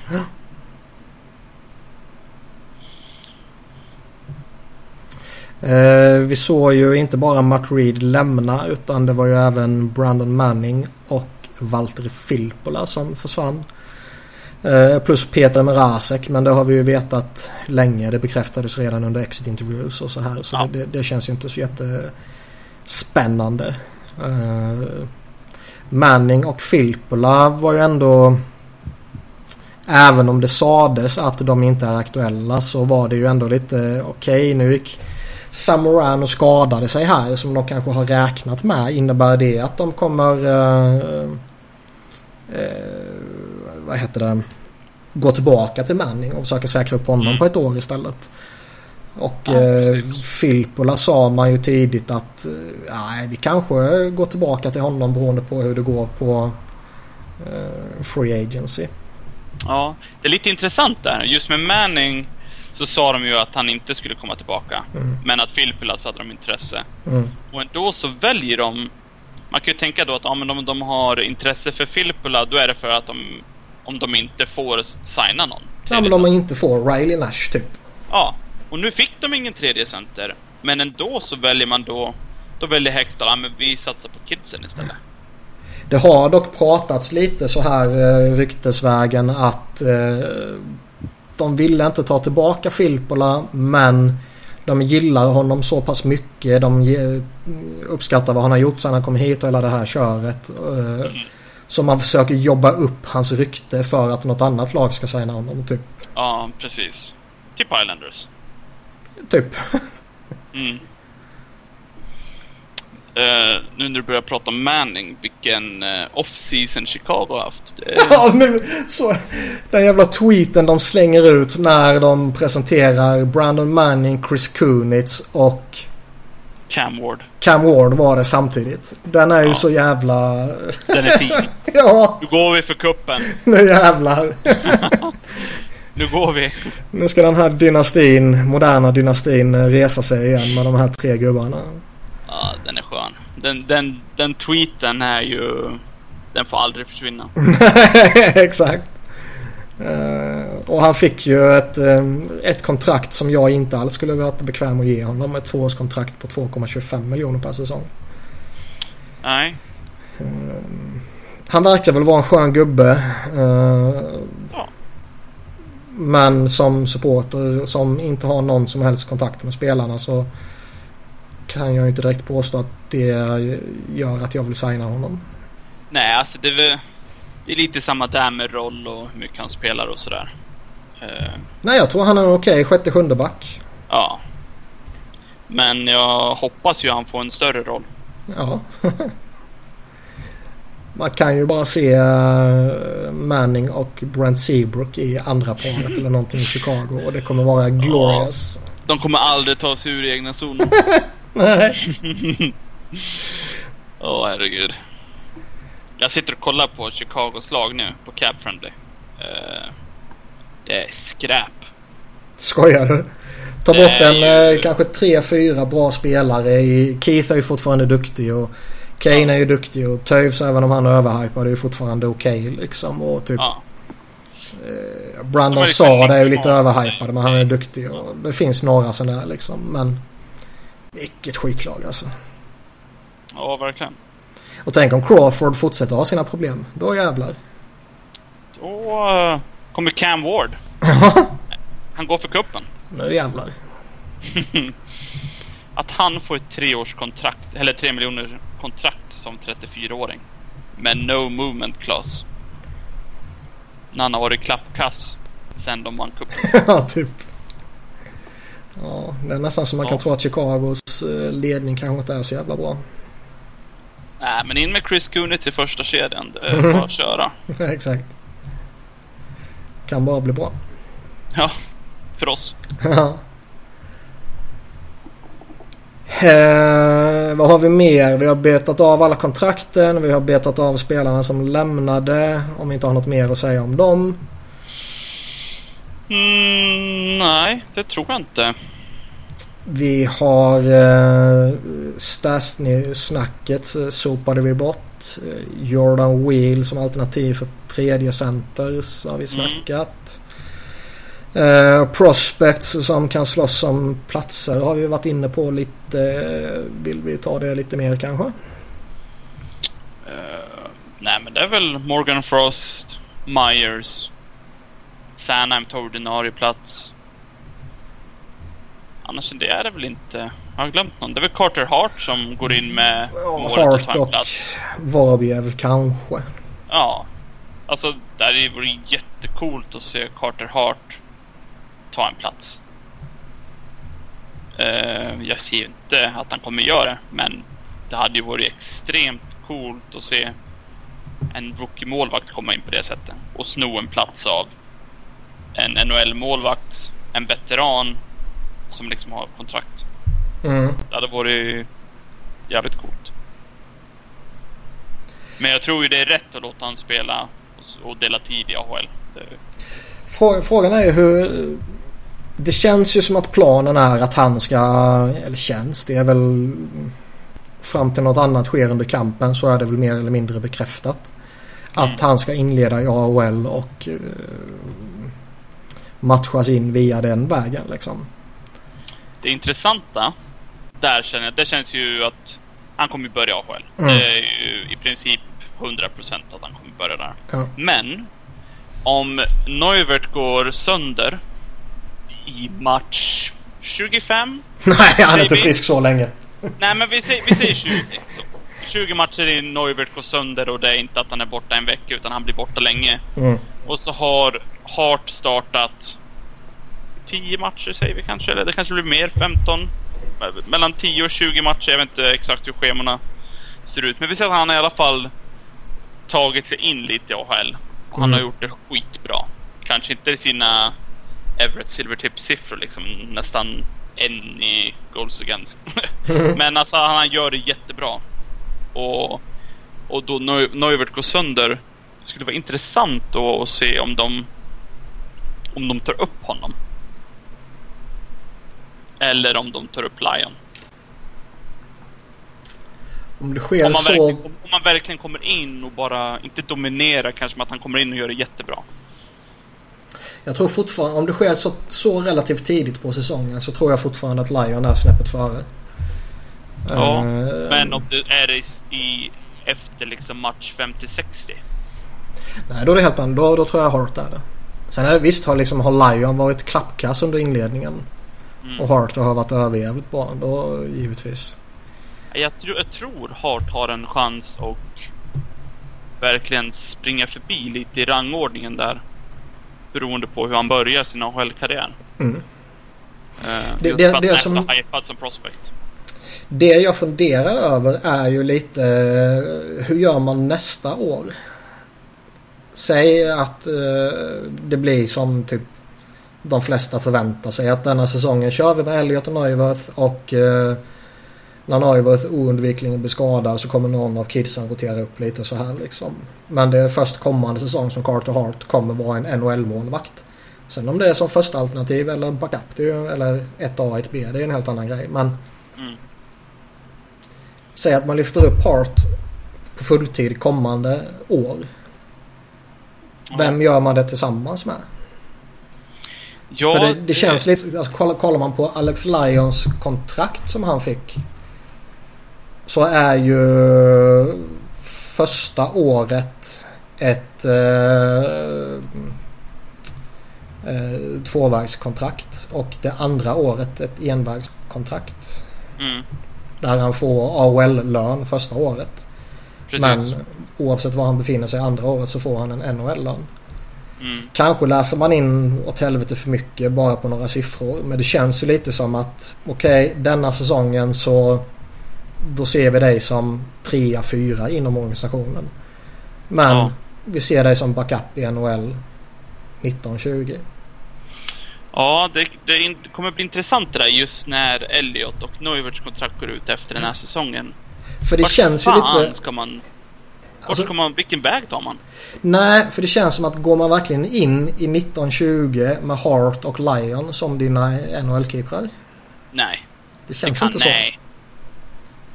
Det är, Det är- det är- Carter Hart är liksom historiskt jävla överjävligt bra och bli NHL-målvakt efter halva den här säsongen.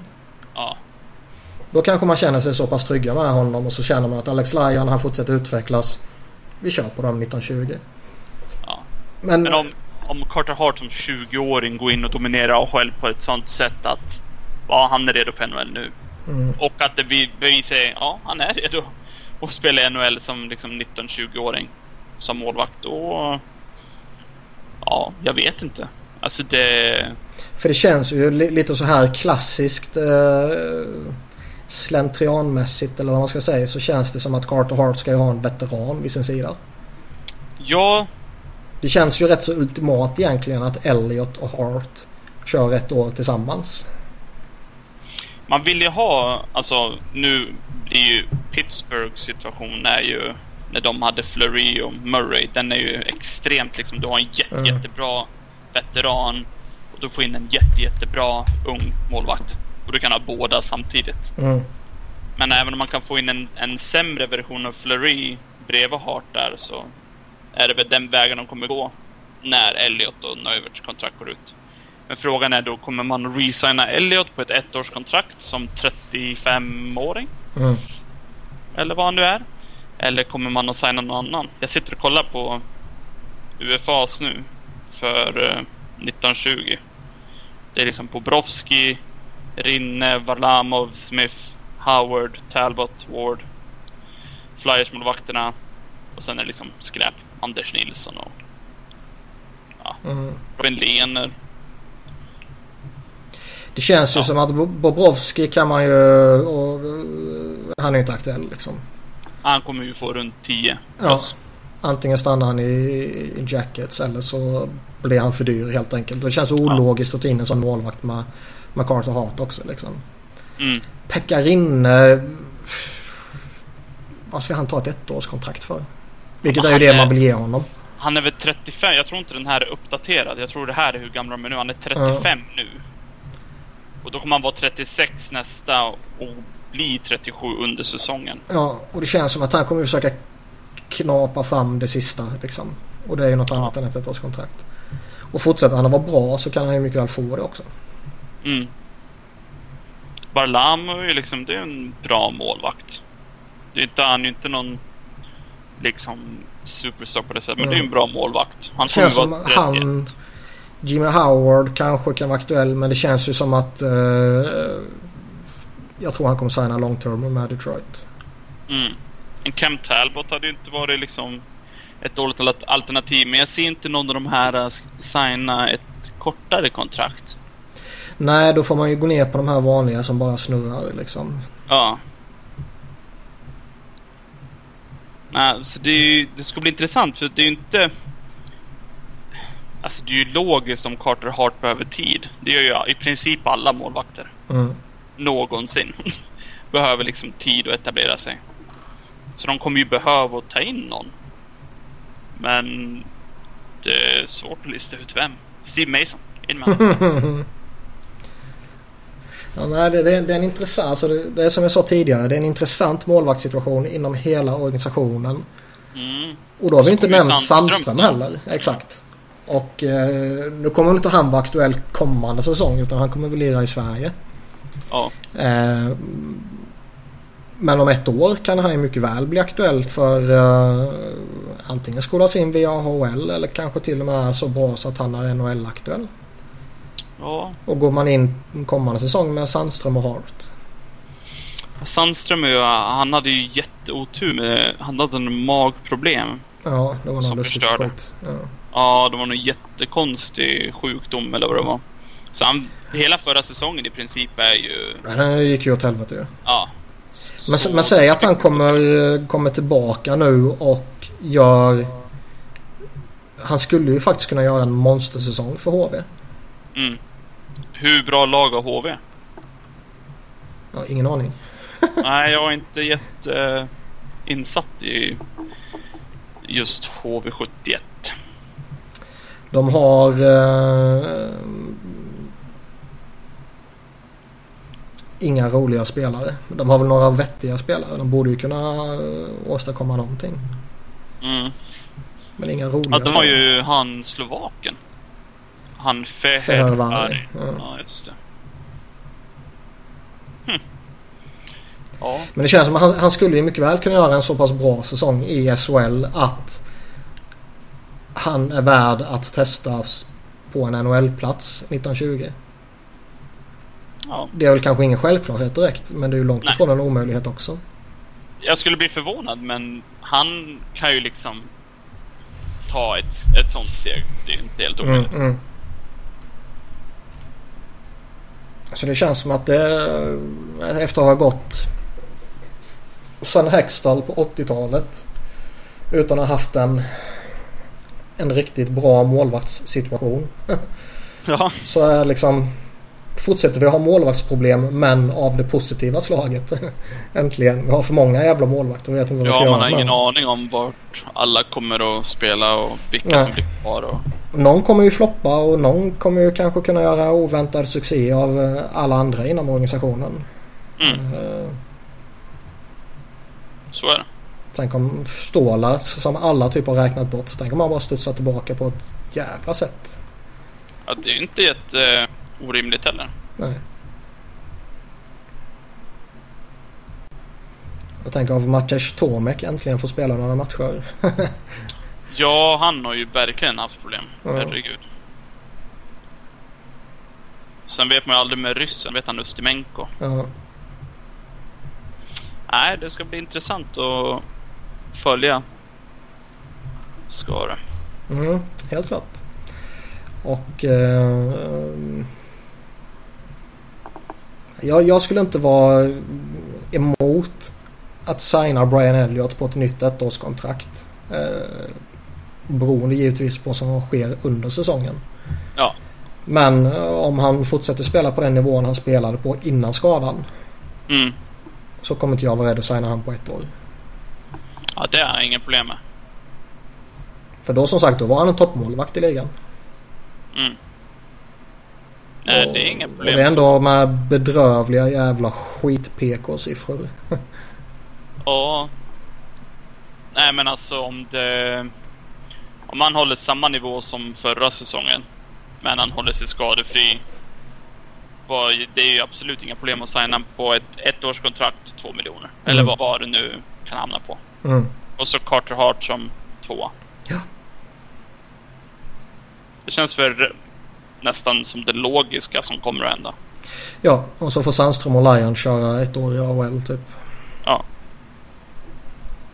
Och efter det släpper man Elliot och Hart tar över fulltime och så den av Lion och Sandström som har gjort det bäst blir hans backup. Ja. Och sen kommer uh, Ustimenko och förstör allting. Med att vara ännu bättre än Carter Hart. Tufft. Eh, ja. Och har vi något mer?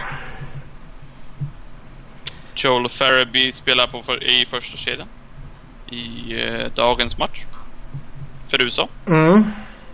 En hygglig kedja med Jack Hughes och... Ja, exakt. Jack Hughes kommer bli så jävla bra. Ja, det tror jag med. Han är... eh, han är helt okej. Det är lite kul att Noah Cates fortfarande är kvar. Mm. Det finns så jävla många prospects i, i Flyers system som man, har, man missar folk lite här och där. Ja. Det, det är så kul. Det är många som... Eh, många prospects som är liksom är kvar, men de, de kommer ju inte bli liksom en första kedjespelare, men liksom en, en Wade Allison. Och en, Jag har typ glömt bort Isaac honom ju. Ratcliffe Och Ja. liksom Noah Cates är kvar i sitt juniorlag. Och sådär. Bannerman och Lashinsky. Ja, det är så jävla många. Och... Nej, det... Jo, det ska vi sägas eh, Obbe Kubel, nu när vi pratar om spelare som kan ta en plats. Det är väl inte helt orimligt att han... Det har jag ju till och med sagt, Hexton. Mm. Han kommer få en uh, long looking cam.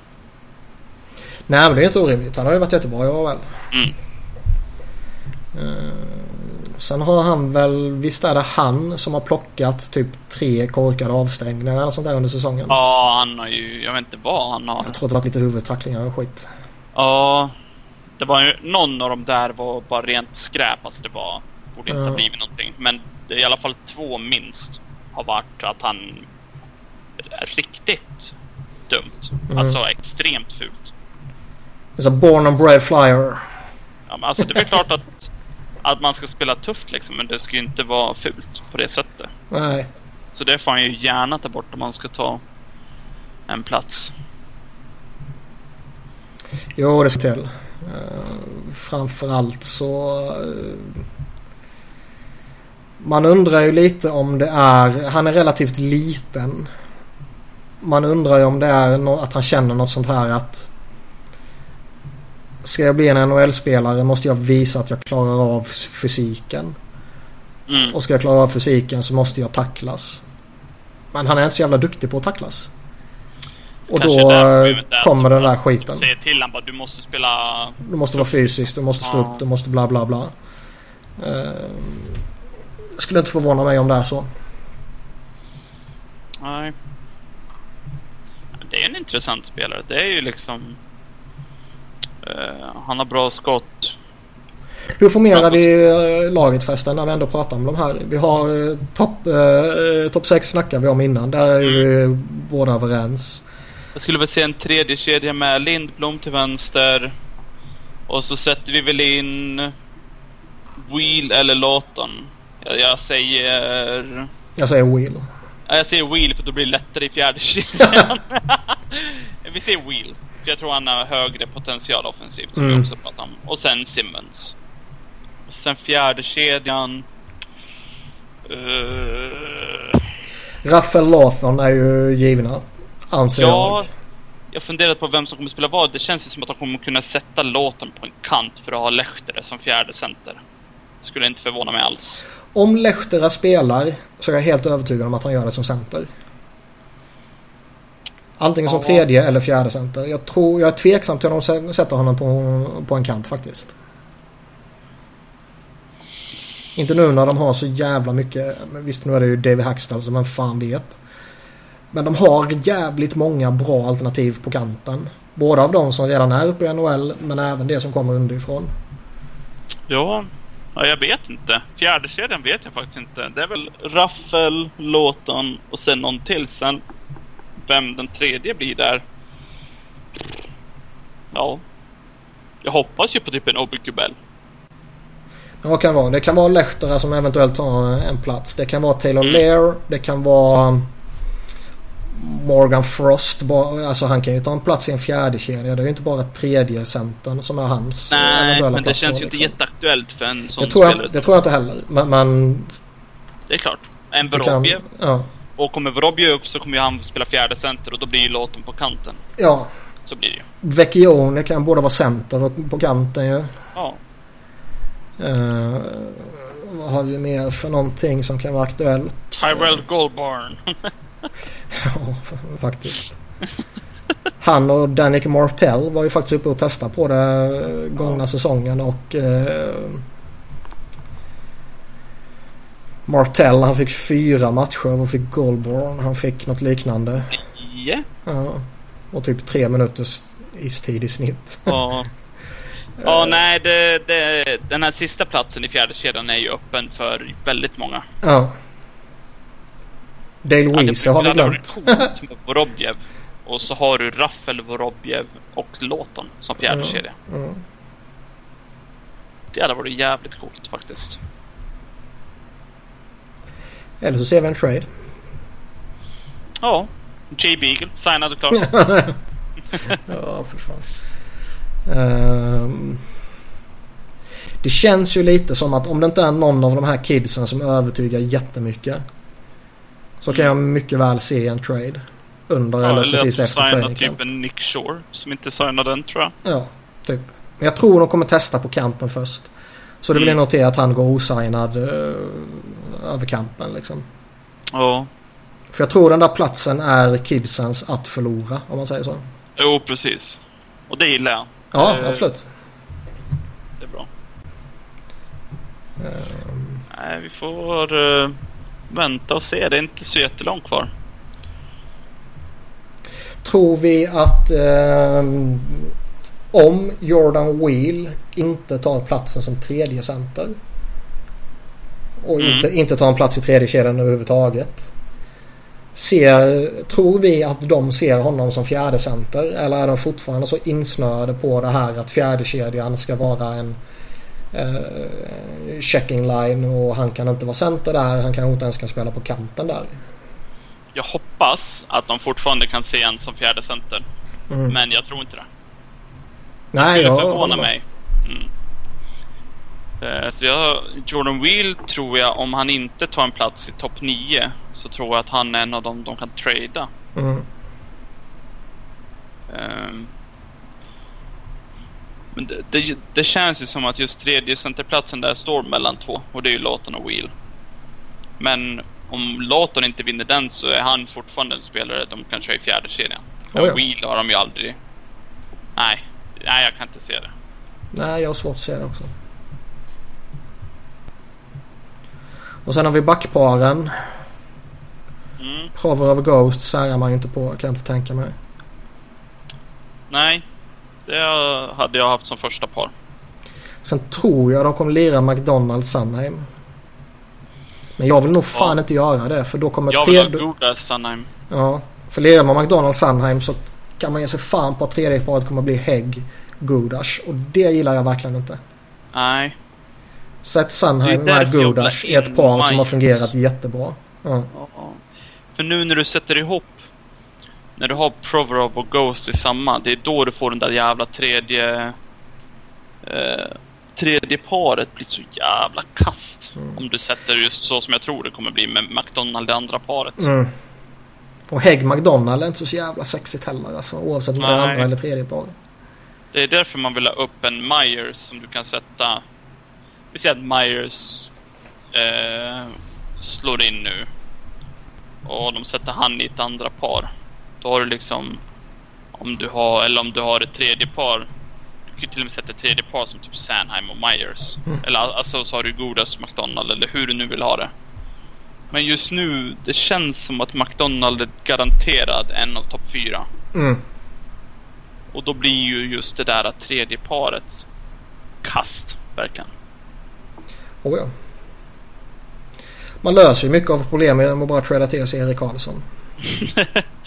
Ja, varför har han inte gjort det än? Det är därför vi, har, vi inte gjorde den här podden så, så jättetidigt efter Free Agents. Utan vi satt ju bara och väntade på att EK65 skulle komma till Flyers. Så Ja. vi kunde göra en podd direkt Nej, efter jag det. sitter ju i min Erik Karlsson-tröja nu. Exakt. Fast jag har E EK69. nice. Eh, nej, jag skulle gärna ta Karlsson givetvis. Men det känns eh, inte jätteaktuellt.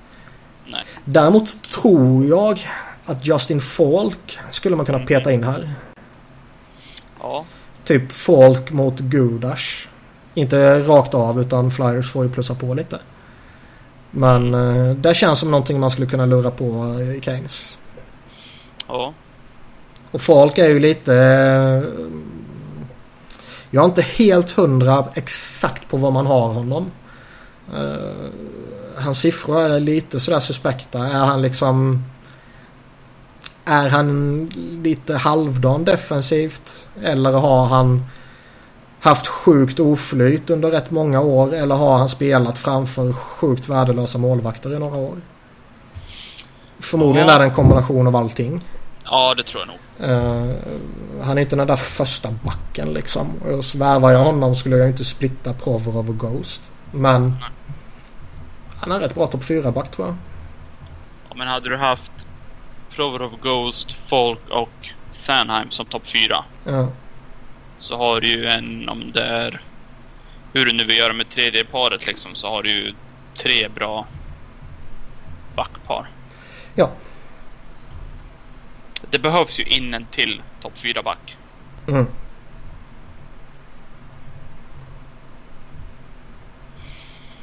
Ja. Det, ja, jag är inte hundra på att de, kommer, att de inte kommer splitta upp eh, Provorov och Ghost. Som Jag, är, jag är inte hundra på någonting så länge vi har. Dave Hackstad som coach. Nej, det är i och för sig sant. alltså det är ju klart att om man kan splitta upp dem och du får Ghost med ja, Godash. Eller något sånt. Jag vet inte, det beror sig på vilka de får spela med. Mm. Men det är ju klart att det blir mindre front-heavy när du splittar upp de två. Men du får ju samtidigt inte ett lika bra första par. Nej, och det känns lite som man, man har fått ett av ligans bästa första par. Vilket de var. Det är bara att titta på statistiken och grejer sen de satte sig ihop. Ja. Vill man splitta? Alltså vad, vad- tjänar man på det kontra mot vad tappar man bakom dem? Jag vet inte fan vad jag vill alltså. Nej, jag vet faktiskt inte. Och eftersom jag är så osäker så känns det ändå som att ja, då tar jag det säkra och det är att behålla dem tillsammans. För splitta dem behöver ju inte nödvändigtvis göra någon av dem bättre. Det kan gå tvärtom. Nej. Provorov får spela i någon form av shutdown-par med McDonald. Det kan gå helt jävla åt helvete. Och Ghost ska lira med uh, Godash till exempel. Eller Hägg eller vad det nu skulle kunna bli. Det är inte så jävla sexigt det heller. Och det, känns, det känns som att man maximerar någon av deras, alltså någon av Provorovs eller Ghosts uh, potentiella impact genom att splitta på dem i dagsläget. Det kanske är helt annorlunda om ett år när Travis Sunheim har uh, tagit ligan med storm och uh, Myers uh, är på väg att göra detsamma. Mm. Jag hade nog fortfarande hållit ihop dem. Men jag förstår idén med att splitta upp dem för att försöka få en bättre backpar. Absolut. Liksom, det är bara att alltså titta på nu är det väl inte så denna säsongen men tidigare har vi ju varit jävligt top-heavy med en första kedja som har varit bra och mm. sen ingenting. Och så har man försökt splitta på typ Giroud och Voracek för att sprida ut det lite och... Oh. Eh, det är ju inte nödvändigtvis något dåligt. Nej, precis. Skulle man få in Erik Karlsson så splittar ju första paret direkt. Och sätter Provorov jämte honom. Nej, Erik Karlsson måste ju gå igenom Andrew McDonald. invigningen. Kom inte hit med några nya regler nu. Exakt, han måste göra en säsong jämte honom. Först då vet vi om han är på riktigt eller inte. Ja. om man lyckas överleva det. Bästa sättet att få reda på hur bra en spelare är, sätt med Andrew McDonald. Exakt. Men som sagt, det är en... Uh, finns behov av en topp 4-back. Ja. Den topp 4-backen kanske är Travis Sunheim. Ja. Eller att, alltså att han är och sen nästa säsong, eller lite in på den här säsongen så visar det sig att ja, det är Sanheim och Myers. Ja. Och jag kan, alltså, jag kan tänka mig att... De måste ju få spela eller få chansen för att man ska få se liksom. De, de, det känns lite som att de måste visa att de inte är det. ja. Uh, och det är jag rätt så övertygad om att det är det som gör att man inte har gått efter en back. Eh, alltså, nu gick man ju efter Folin men han är ju... Han är ju sån för djupet. Att man inte gick efter en topp 4-back. Nej, alltså jag håller med. Men... Eh, ja, får inte Sanheim en plats det här året kommer jag aldrig få en plats. Nej, lite så.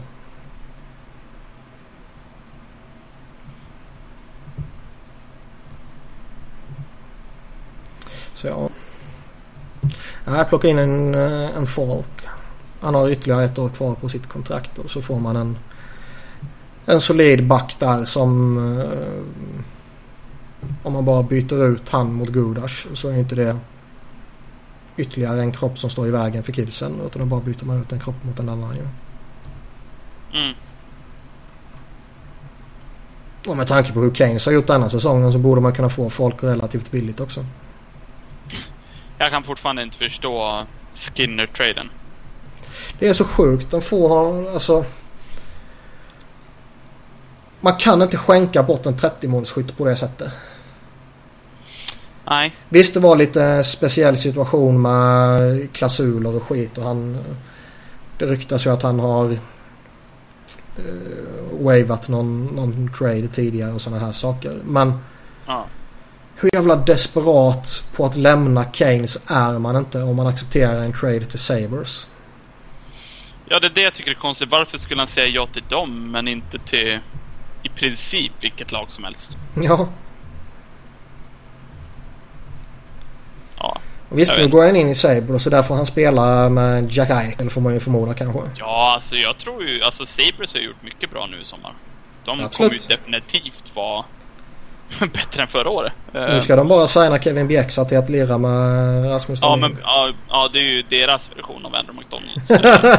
uh, nej, men det, alltså de ger i princip upp ingenting. Nej, de har tre stycken first rounders nästa år. Mm. Och de lyckas behålla alla tre i en trade för Jeff Skinner.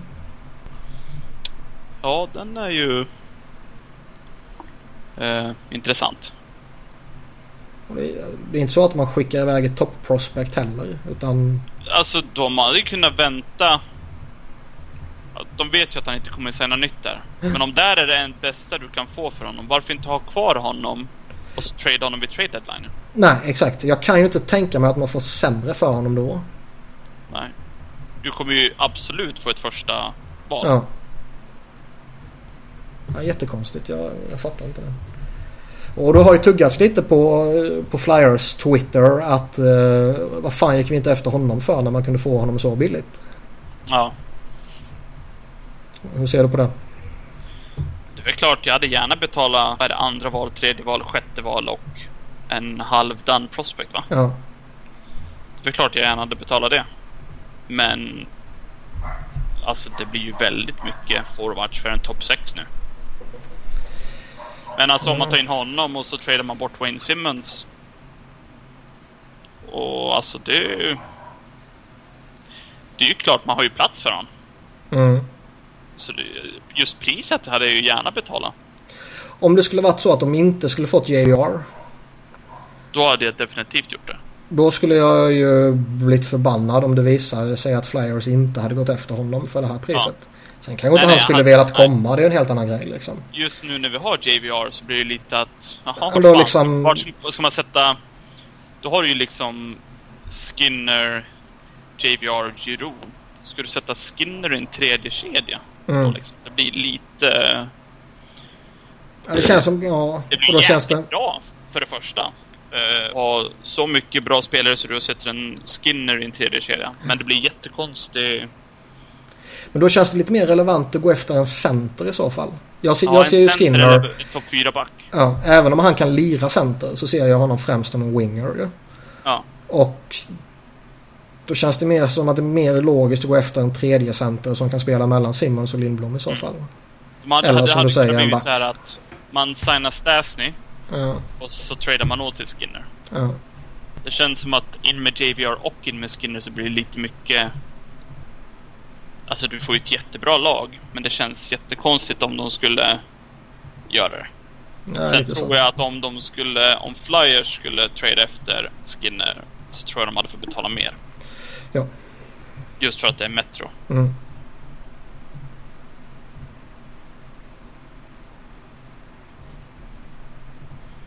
Såg du det här uh, Sporting News la upp någon uh, Top 50 prospects i NHL? Och Flyers hade mest av allihopa. De hade fyra stycken i topp 50. Jaha, nej det missade jag. Joel Farabee 19 plats, Carter Hart 34, Myers 37 och Frost 43. Ja. Det är ju ligans bästa prospect pool eller en av de bästa. Alltså, ja. Enligt alla typ. Det beror ju på hur man rankar. Jag tror att jag såg någon annan lista, då hade någon satt Buffalo som etta nu. Men det är ju... Det är bara för Dahlin ju. Ja men det är ju för att Patrick in i laget och inte kvar i listan och Dahlin ja. kommer in där. Ja. Liksom det... Så är det ju. Det... Jag förstår varför. Sen, sen kan jag ju tänka mig att när, när vissa... Eh, jag tror fortfarande att vissa skulle inkludera Nolan Patrick i en prospect pool. Mm. Även om han har debuterat i NHL och gjort en hel säsong i NHL. Ja. Så det där är väl en... Ja. Det kan vara en definitionsfråga också. De av prospects fortfarande. Ja. Och det är när liksom Sanheim, Provorov, alla de här har redan liksom lämnat prospect-delen. Ja.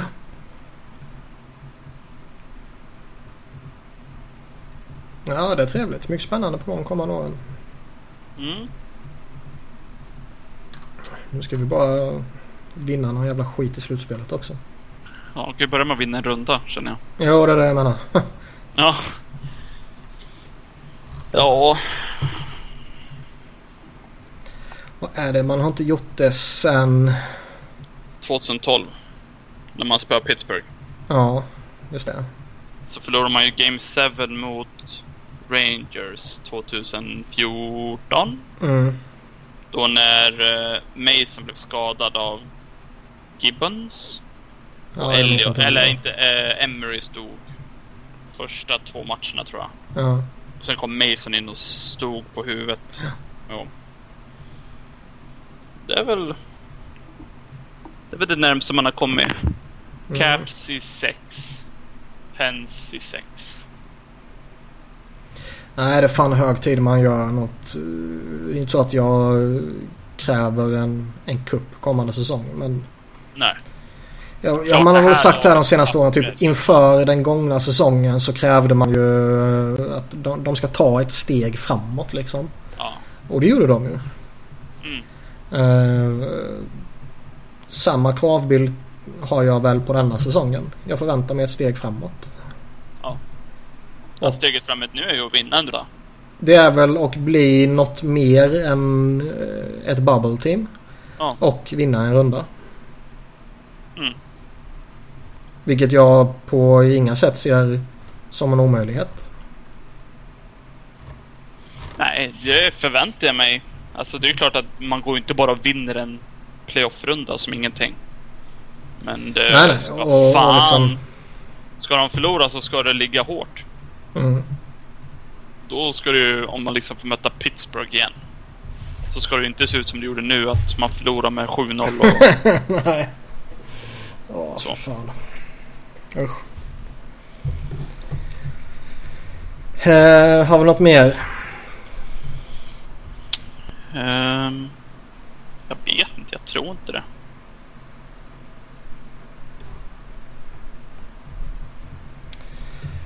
Något annat runt eh, skoj runt Flyers. Det var...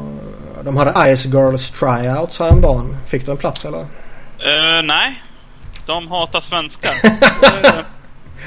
Jävla diskriminering. Ja, verkligen. Är fan inte okej. Nej, det är väl det här uh, World Junior Championship Showcase-grejen som hålls på nu. Mm. Jay O'Brien och Ferraby har varit väldigt bra.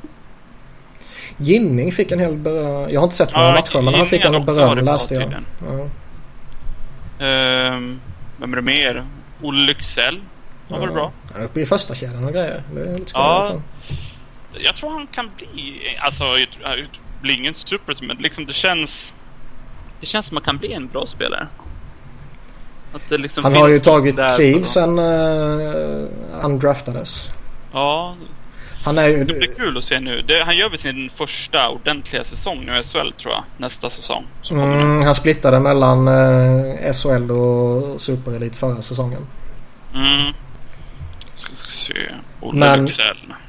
Ko- Han är så jävla gullig på EP. Den, Ja, ja, den ja, bilden. ja, det är hans gamla bild. Han ser ut Han är typ vara 12 10. år eller någonting. Ja. Han gjorde sju poäng på 26 matcher. Mm. Nej, det ska bli kul att kolla. Se Sandström, Lycksell. Eh, de här backarna de draftade. Bernhardt och Högberg. Mm. Jävla massa svenskar. Ja, lite för många.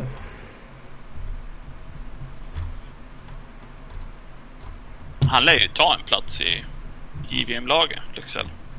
Ja, vad fan han uppe i första kedjan och grejer nu så... Ja. eh, Det indikerar ju inte att han är självskriven till JVM. Nej, men... plats det eh, tror jag. Ja. Han och Ginning Ja, borde väl vara högaktuella tycker man. Eller eh, nästan självskrivna. det tror jag. Jag vet inte hur Samuel Ersson eh, kan Jag tänkte säga, han är väl backup, va? Jag tror det. Ja, han kanske blir backup. Jag tror inte han kommer få spela, men... Nej.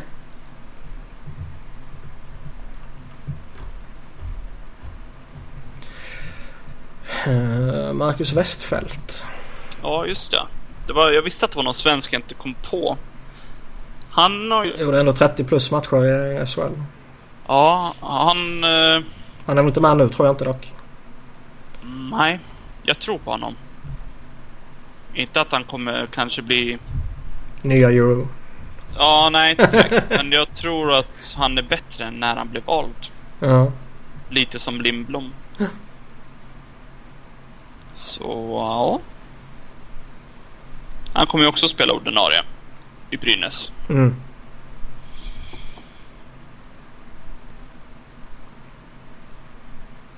Det är gött. Mycket spännande Annars, så fan. Det tror jag inte det är något nytt. Nej. Uh... Ja, det ska väl sägas där just nu när jag kommer att tänka på Ray Embry. Det som hände honom. Ja, just det. Ja. Uh... Båtolycka. Nej, drunkningsolycka. drunkning. Ja. Det är ju lite... eh, Det är ju en svår person att säga något om. Å ena sidan så är det ju en målvakt och en karaktär som var jävligt cool.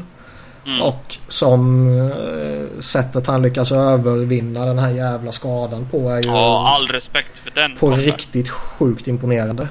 Ja. Eh, Det är liksom en career-ending injury han får. Det är inget snack om saken. Tidigare idrottsmän som har fått det har fått lägga ner direkt liksom och måste i princip operera bort höften eller någonting. Ja.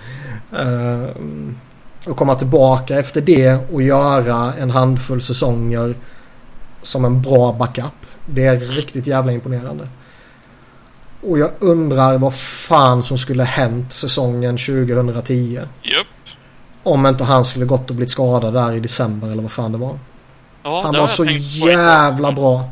Mm. Och så tar man sig till final med Brian Boucher och Michael Layton liksom. Ja. Tänk om man skulle haft Ray Emery där istället. Fan vet om man inte skulle kunna gått hela vägen då. Ja, den har man tänkt tillbaka på ett par gånger. Eh, och fighten mot Braden Holtby är ju så... Oh, Ja, det är ju den, man, det är ju den jag kommer komma ihåg. det är ju den som är minnesbilden ja. Ja. Den är så mäktig. Men sen är det då den negativa är ju... eh, Han har ju ett bagage med sig liksom. Mm. Där han... eh, Dels var han en liten lustig karaktär sådär under sin... Sin Han, karriär. var, han var lite flummig. Han var lite flummig och lite konstig och lite Ja. sådär liksom. Och sen så hade han ju en... eh, han blev ju anklagad och anhållen för uh, hustrumisshandel. Sen om det var just en hustru eller flickvän. Det, det, men Ja. Men blev han dömd? Blev han han blev inte dömd. Men jag vet inte. De kan ju ha gjort upp utanför domstolen. Vilket ju... eh, det, det är ju... Man blir inte dömd för det men det är ju ett rätt tydligt att, tecken Ja, att något har hänt. Ehm, sen hade han ju lite drogproblem och för typ ett år eller två år sedan så åkte han ju fast för kokain tror jag det var. Ja. Och eh, han försvann liksom klockan sex på morgonen när han var ute och simmade. Ja. Inte för att vara den, inte Nej, för att vara den som är den men liksom om man simmar klockan sex på morgonen så i en hamn verkar det som. Mm. Så känns det ju inte helt orimligt som att man har varit uppe hela natten och druckit lite. Nej, nej, men det är väl rätt logiskt att komma till den Jo. slutsatsen. Jo. Eh, Men givetvis jättetragiskt när folk dör. eh, Oavsett vem det är. I Ja, synnerhet i den åldern. Ja. Så det var... Ja, det är tråkigt men... Det är vad det är. Mm. Annars än det tror jag vi har täckt allt va? Ja. Tror jag. Mm.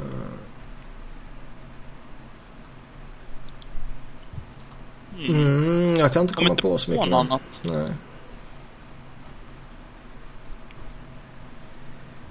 Eh, nej, vi får väl... eh, ja, det är ju... Vad blir det? Det är eh, en och en halv vecka sen det var års... Eller... inte årsdagen, men liksom dagen då Nashville matchade offersheetet som Flyers skickade till Shea Weber. Ja, vilket kontrakt. Sexårsdagen. Ja. Ehm, jag vet inte vad man ska säga. Det, Vad annorlunda det här laget hade sett ut om...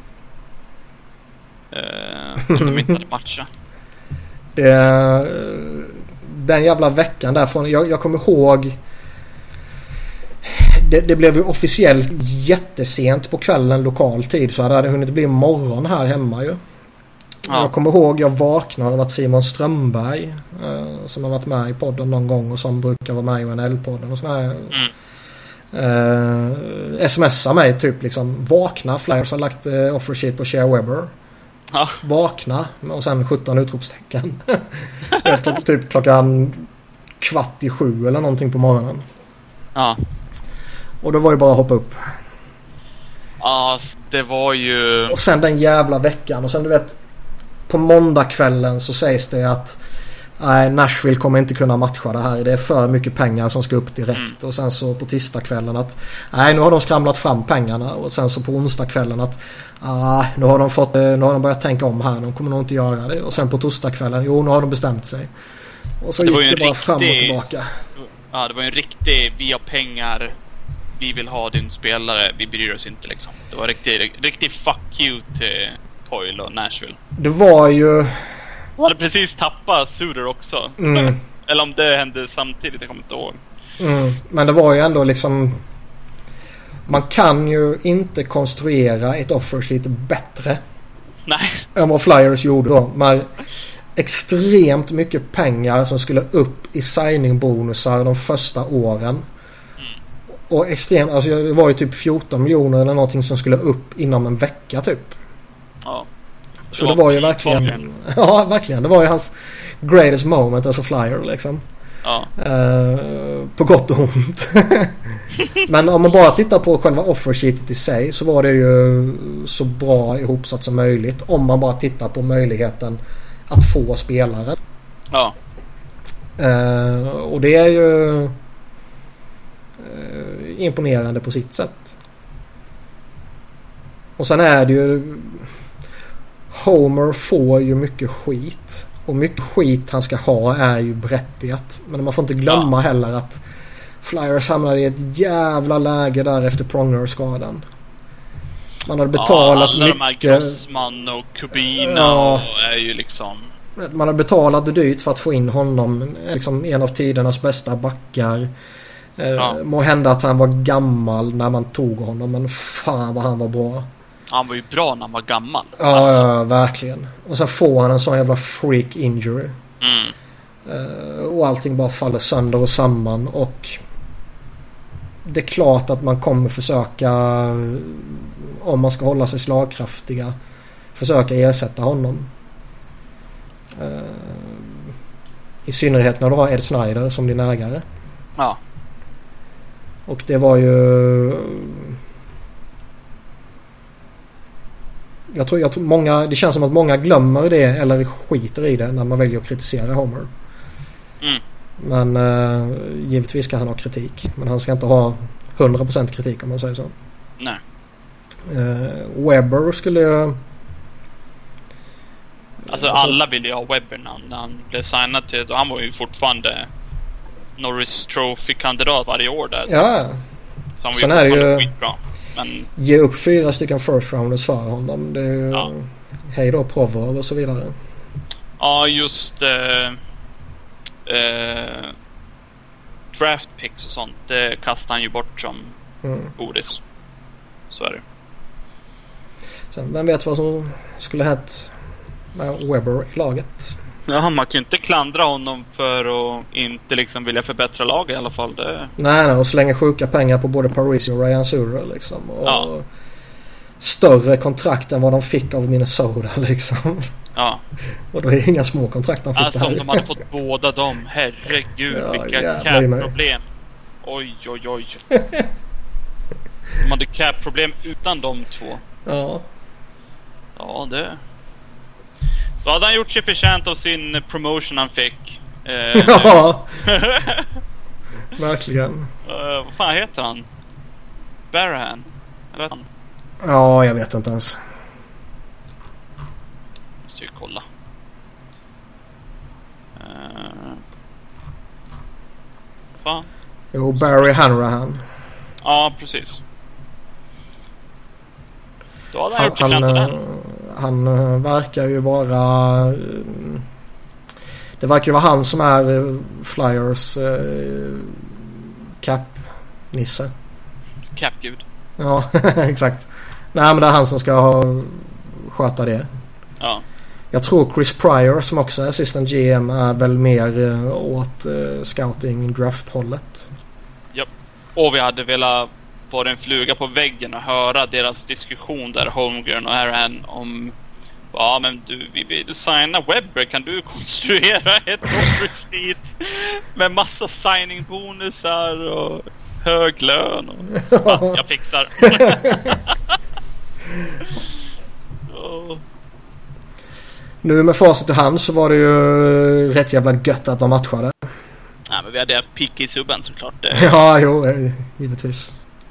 Nej, men det är väl klart. Det är ju samma med Suder och Parisi. Det är ju inte ofta de här uh, stora free agent-signingarna blir bra. Nej. Det är ju en grej om det är Tavares. Som mm. är liksom bra ålder. Mm.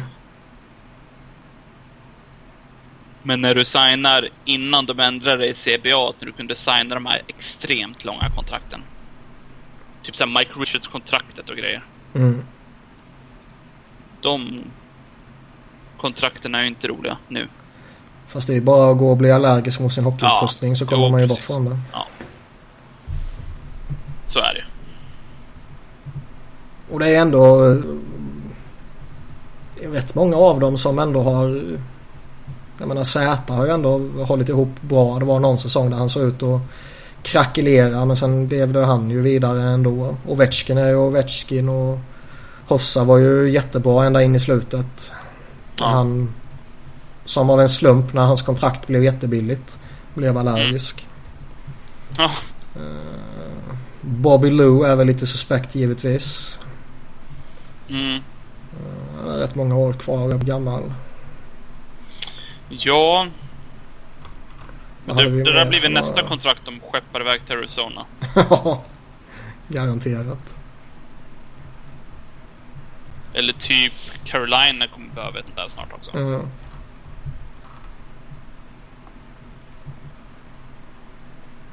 Ja, nej det... Jag tycker det är bra att de har gjort så att det är åtta år max när det är en egen spelare och så sju år annars. Det går ju rykten nu att de vill trycka ner det till fem år i nästa säsong. Det tycker jag är ännu bättre. Mm. Det blir mycket roligare free agency grej då. Det blir mindre spelare som blir signade från de här typ, ja vi säger 23 till 31. Mm. Eller ja, det känns ju dock om att en sån där fråga är ju någonting som garanterat kommer leda till en lockout.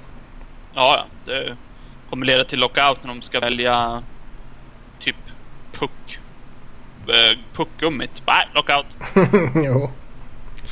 Allting leder till lockout. Vilken, men det känns musik, som att det... vilken musik ska spelas i arenan? Ah, vi måste Ja, skulle ju faktiskt inte förvåna om det blir en CBA-fråga. Ja de borde lägga in i CBA att Blackhawks inte får använda, vad heter den, Dagger-låten? Ja, jag kan inte.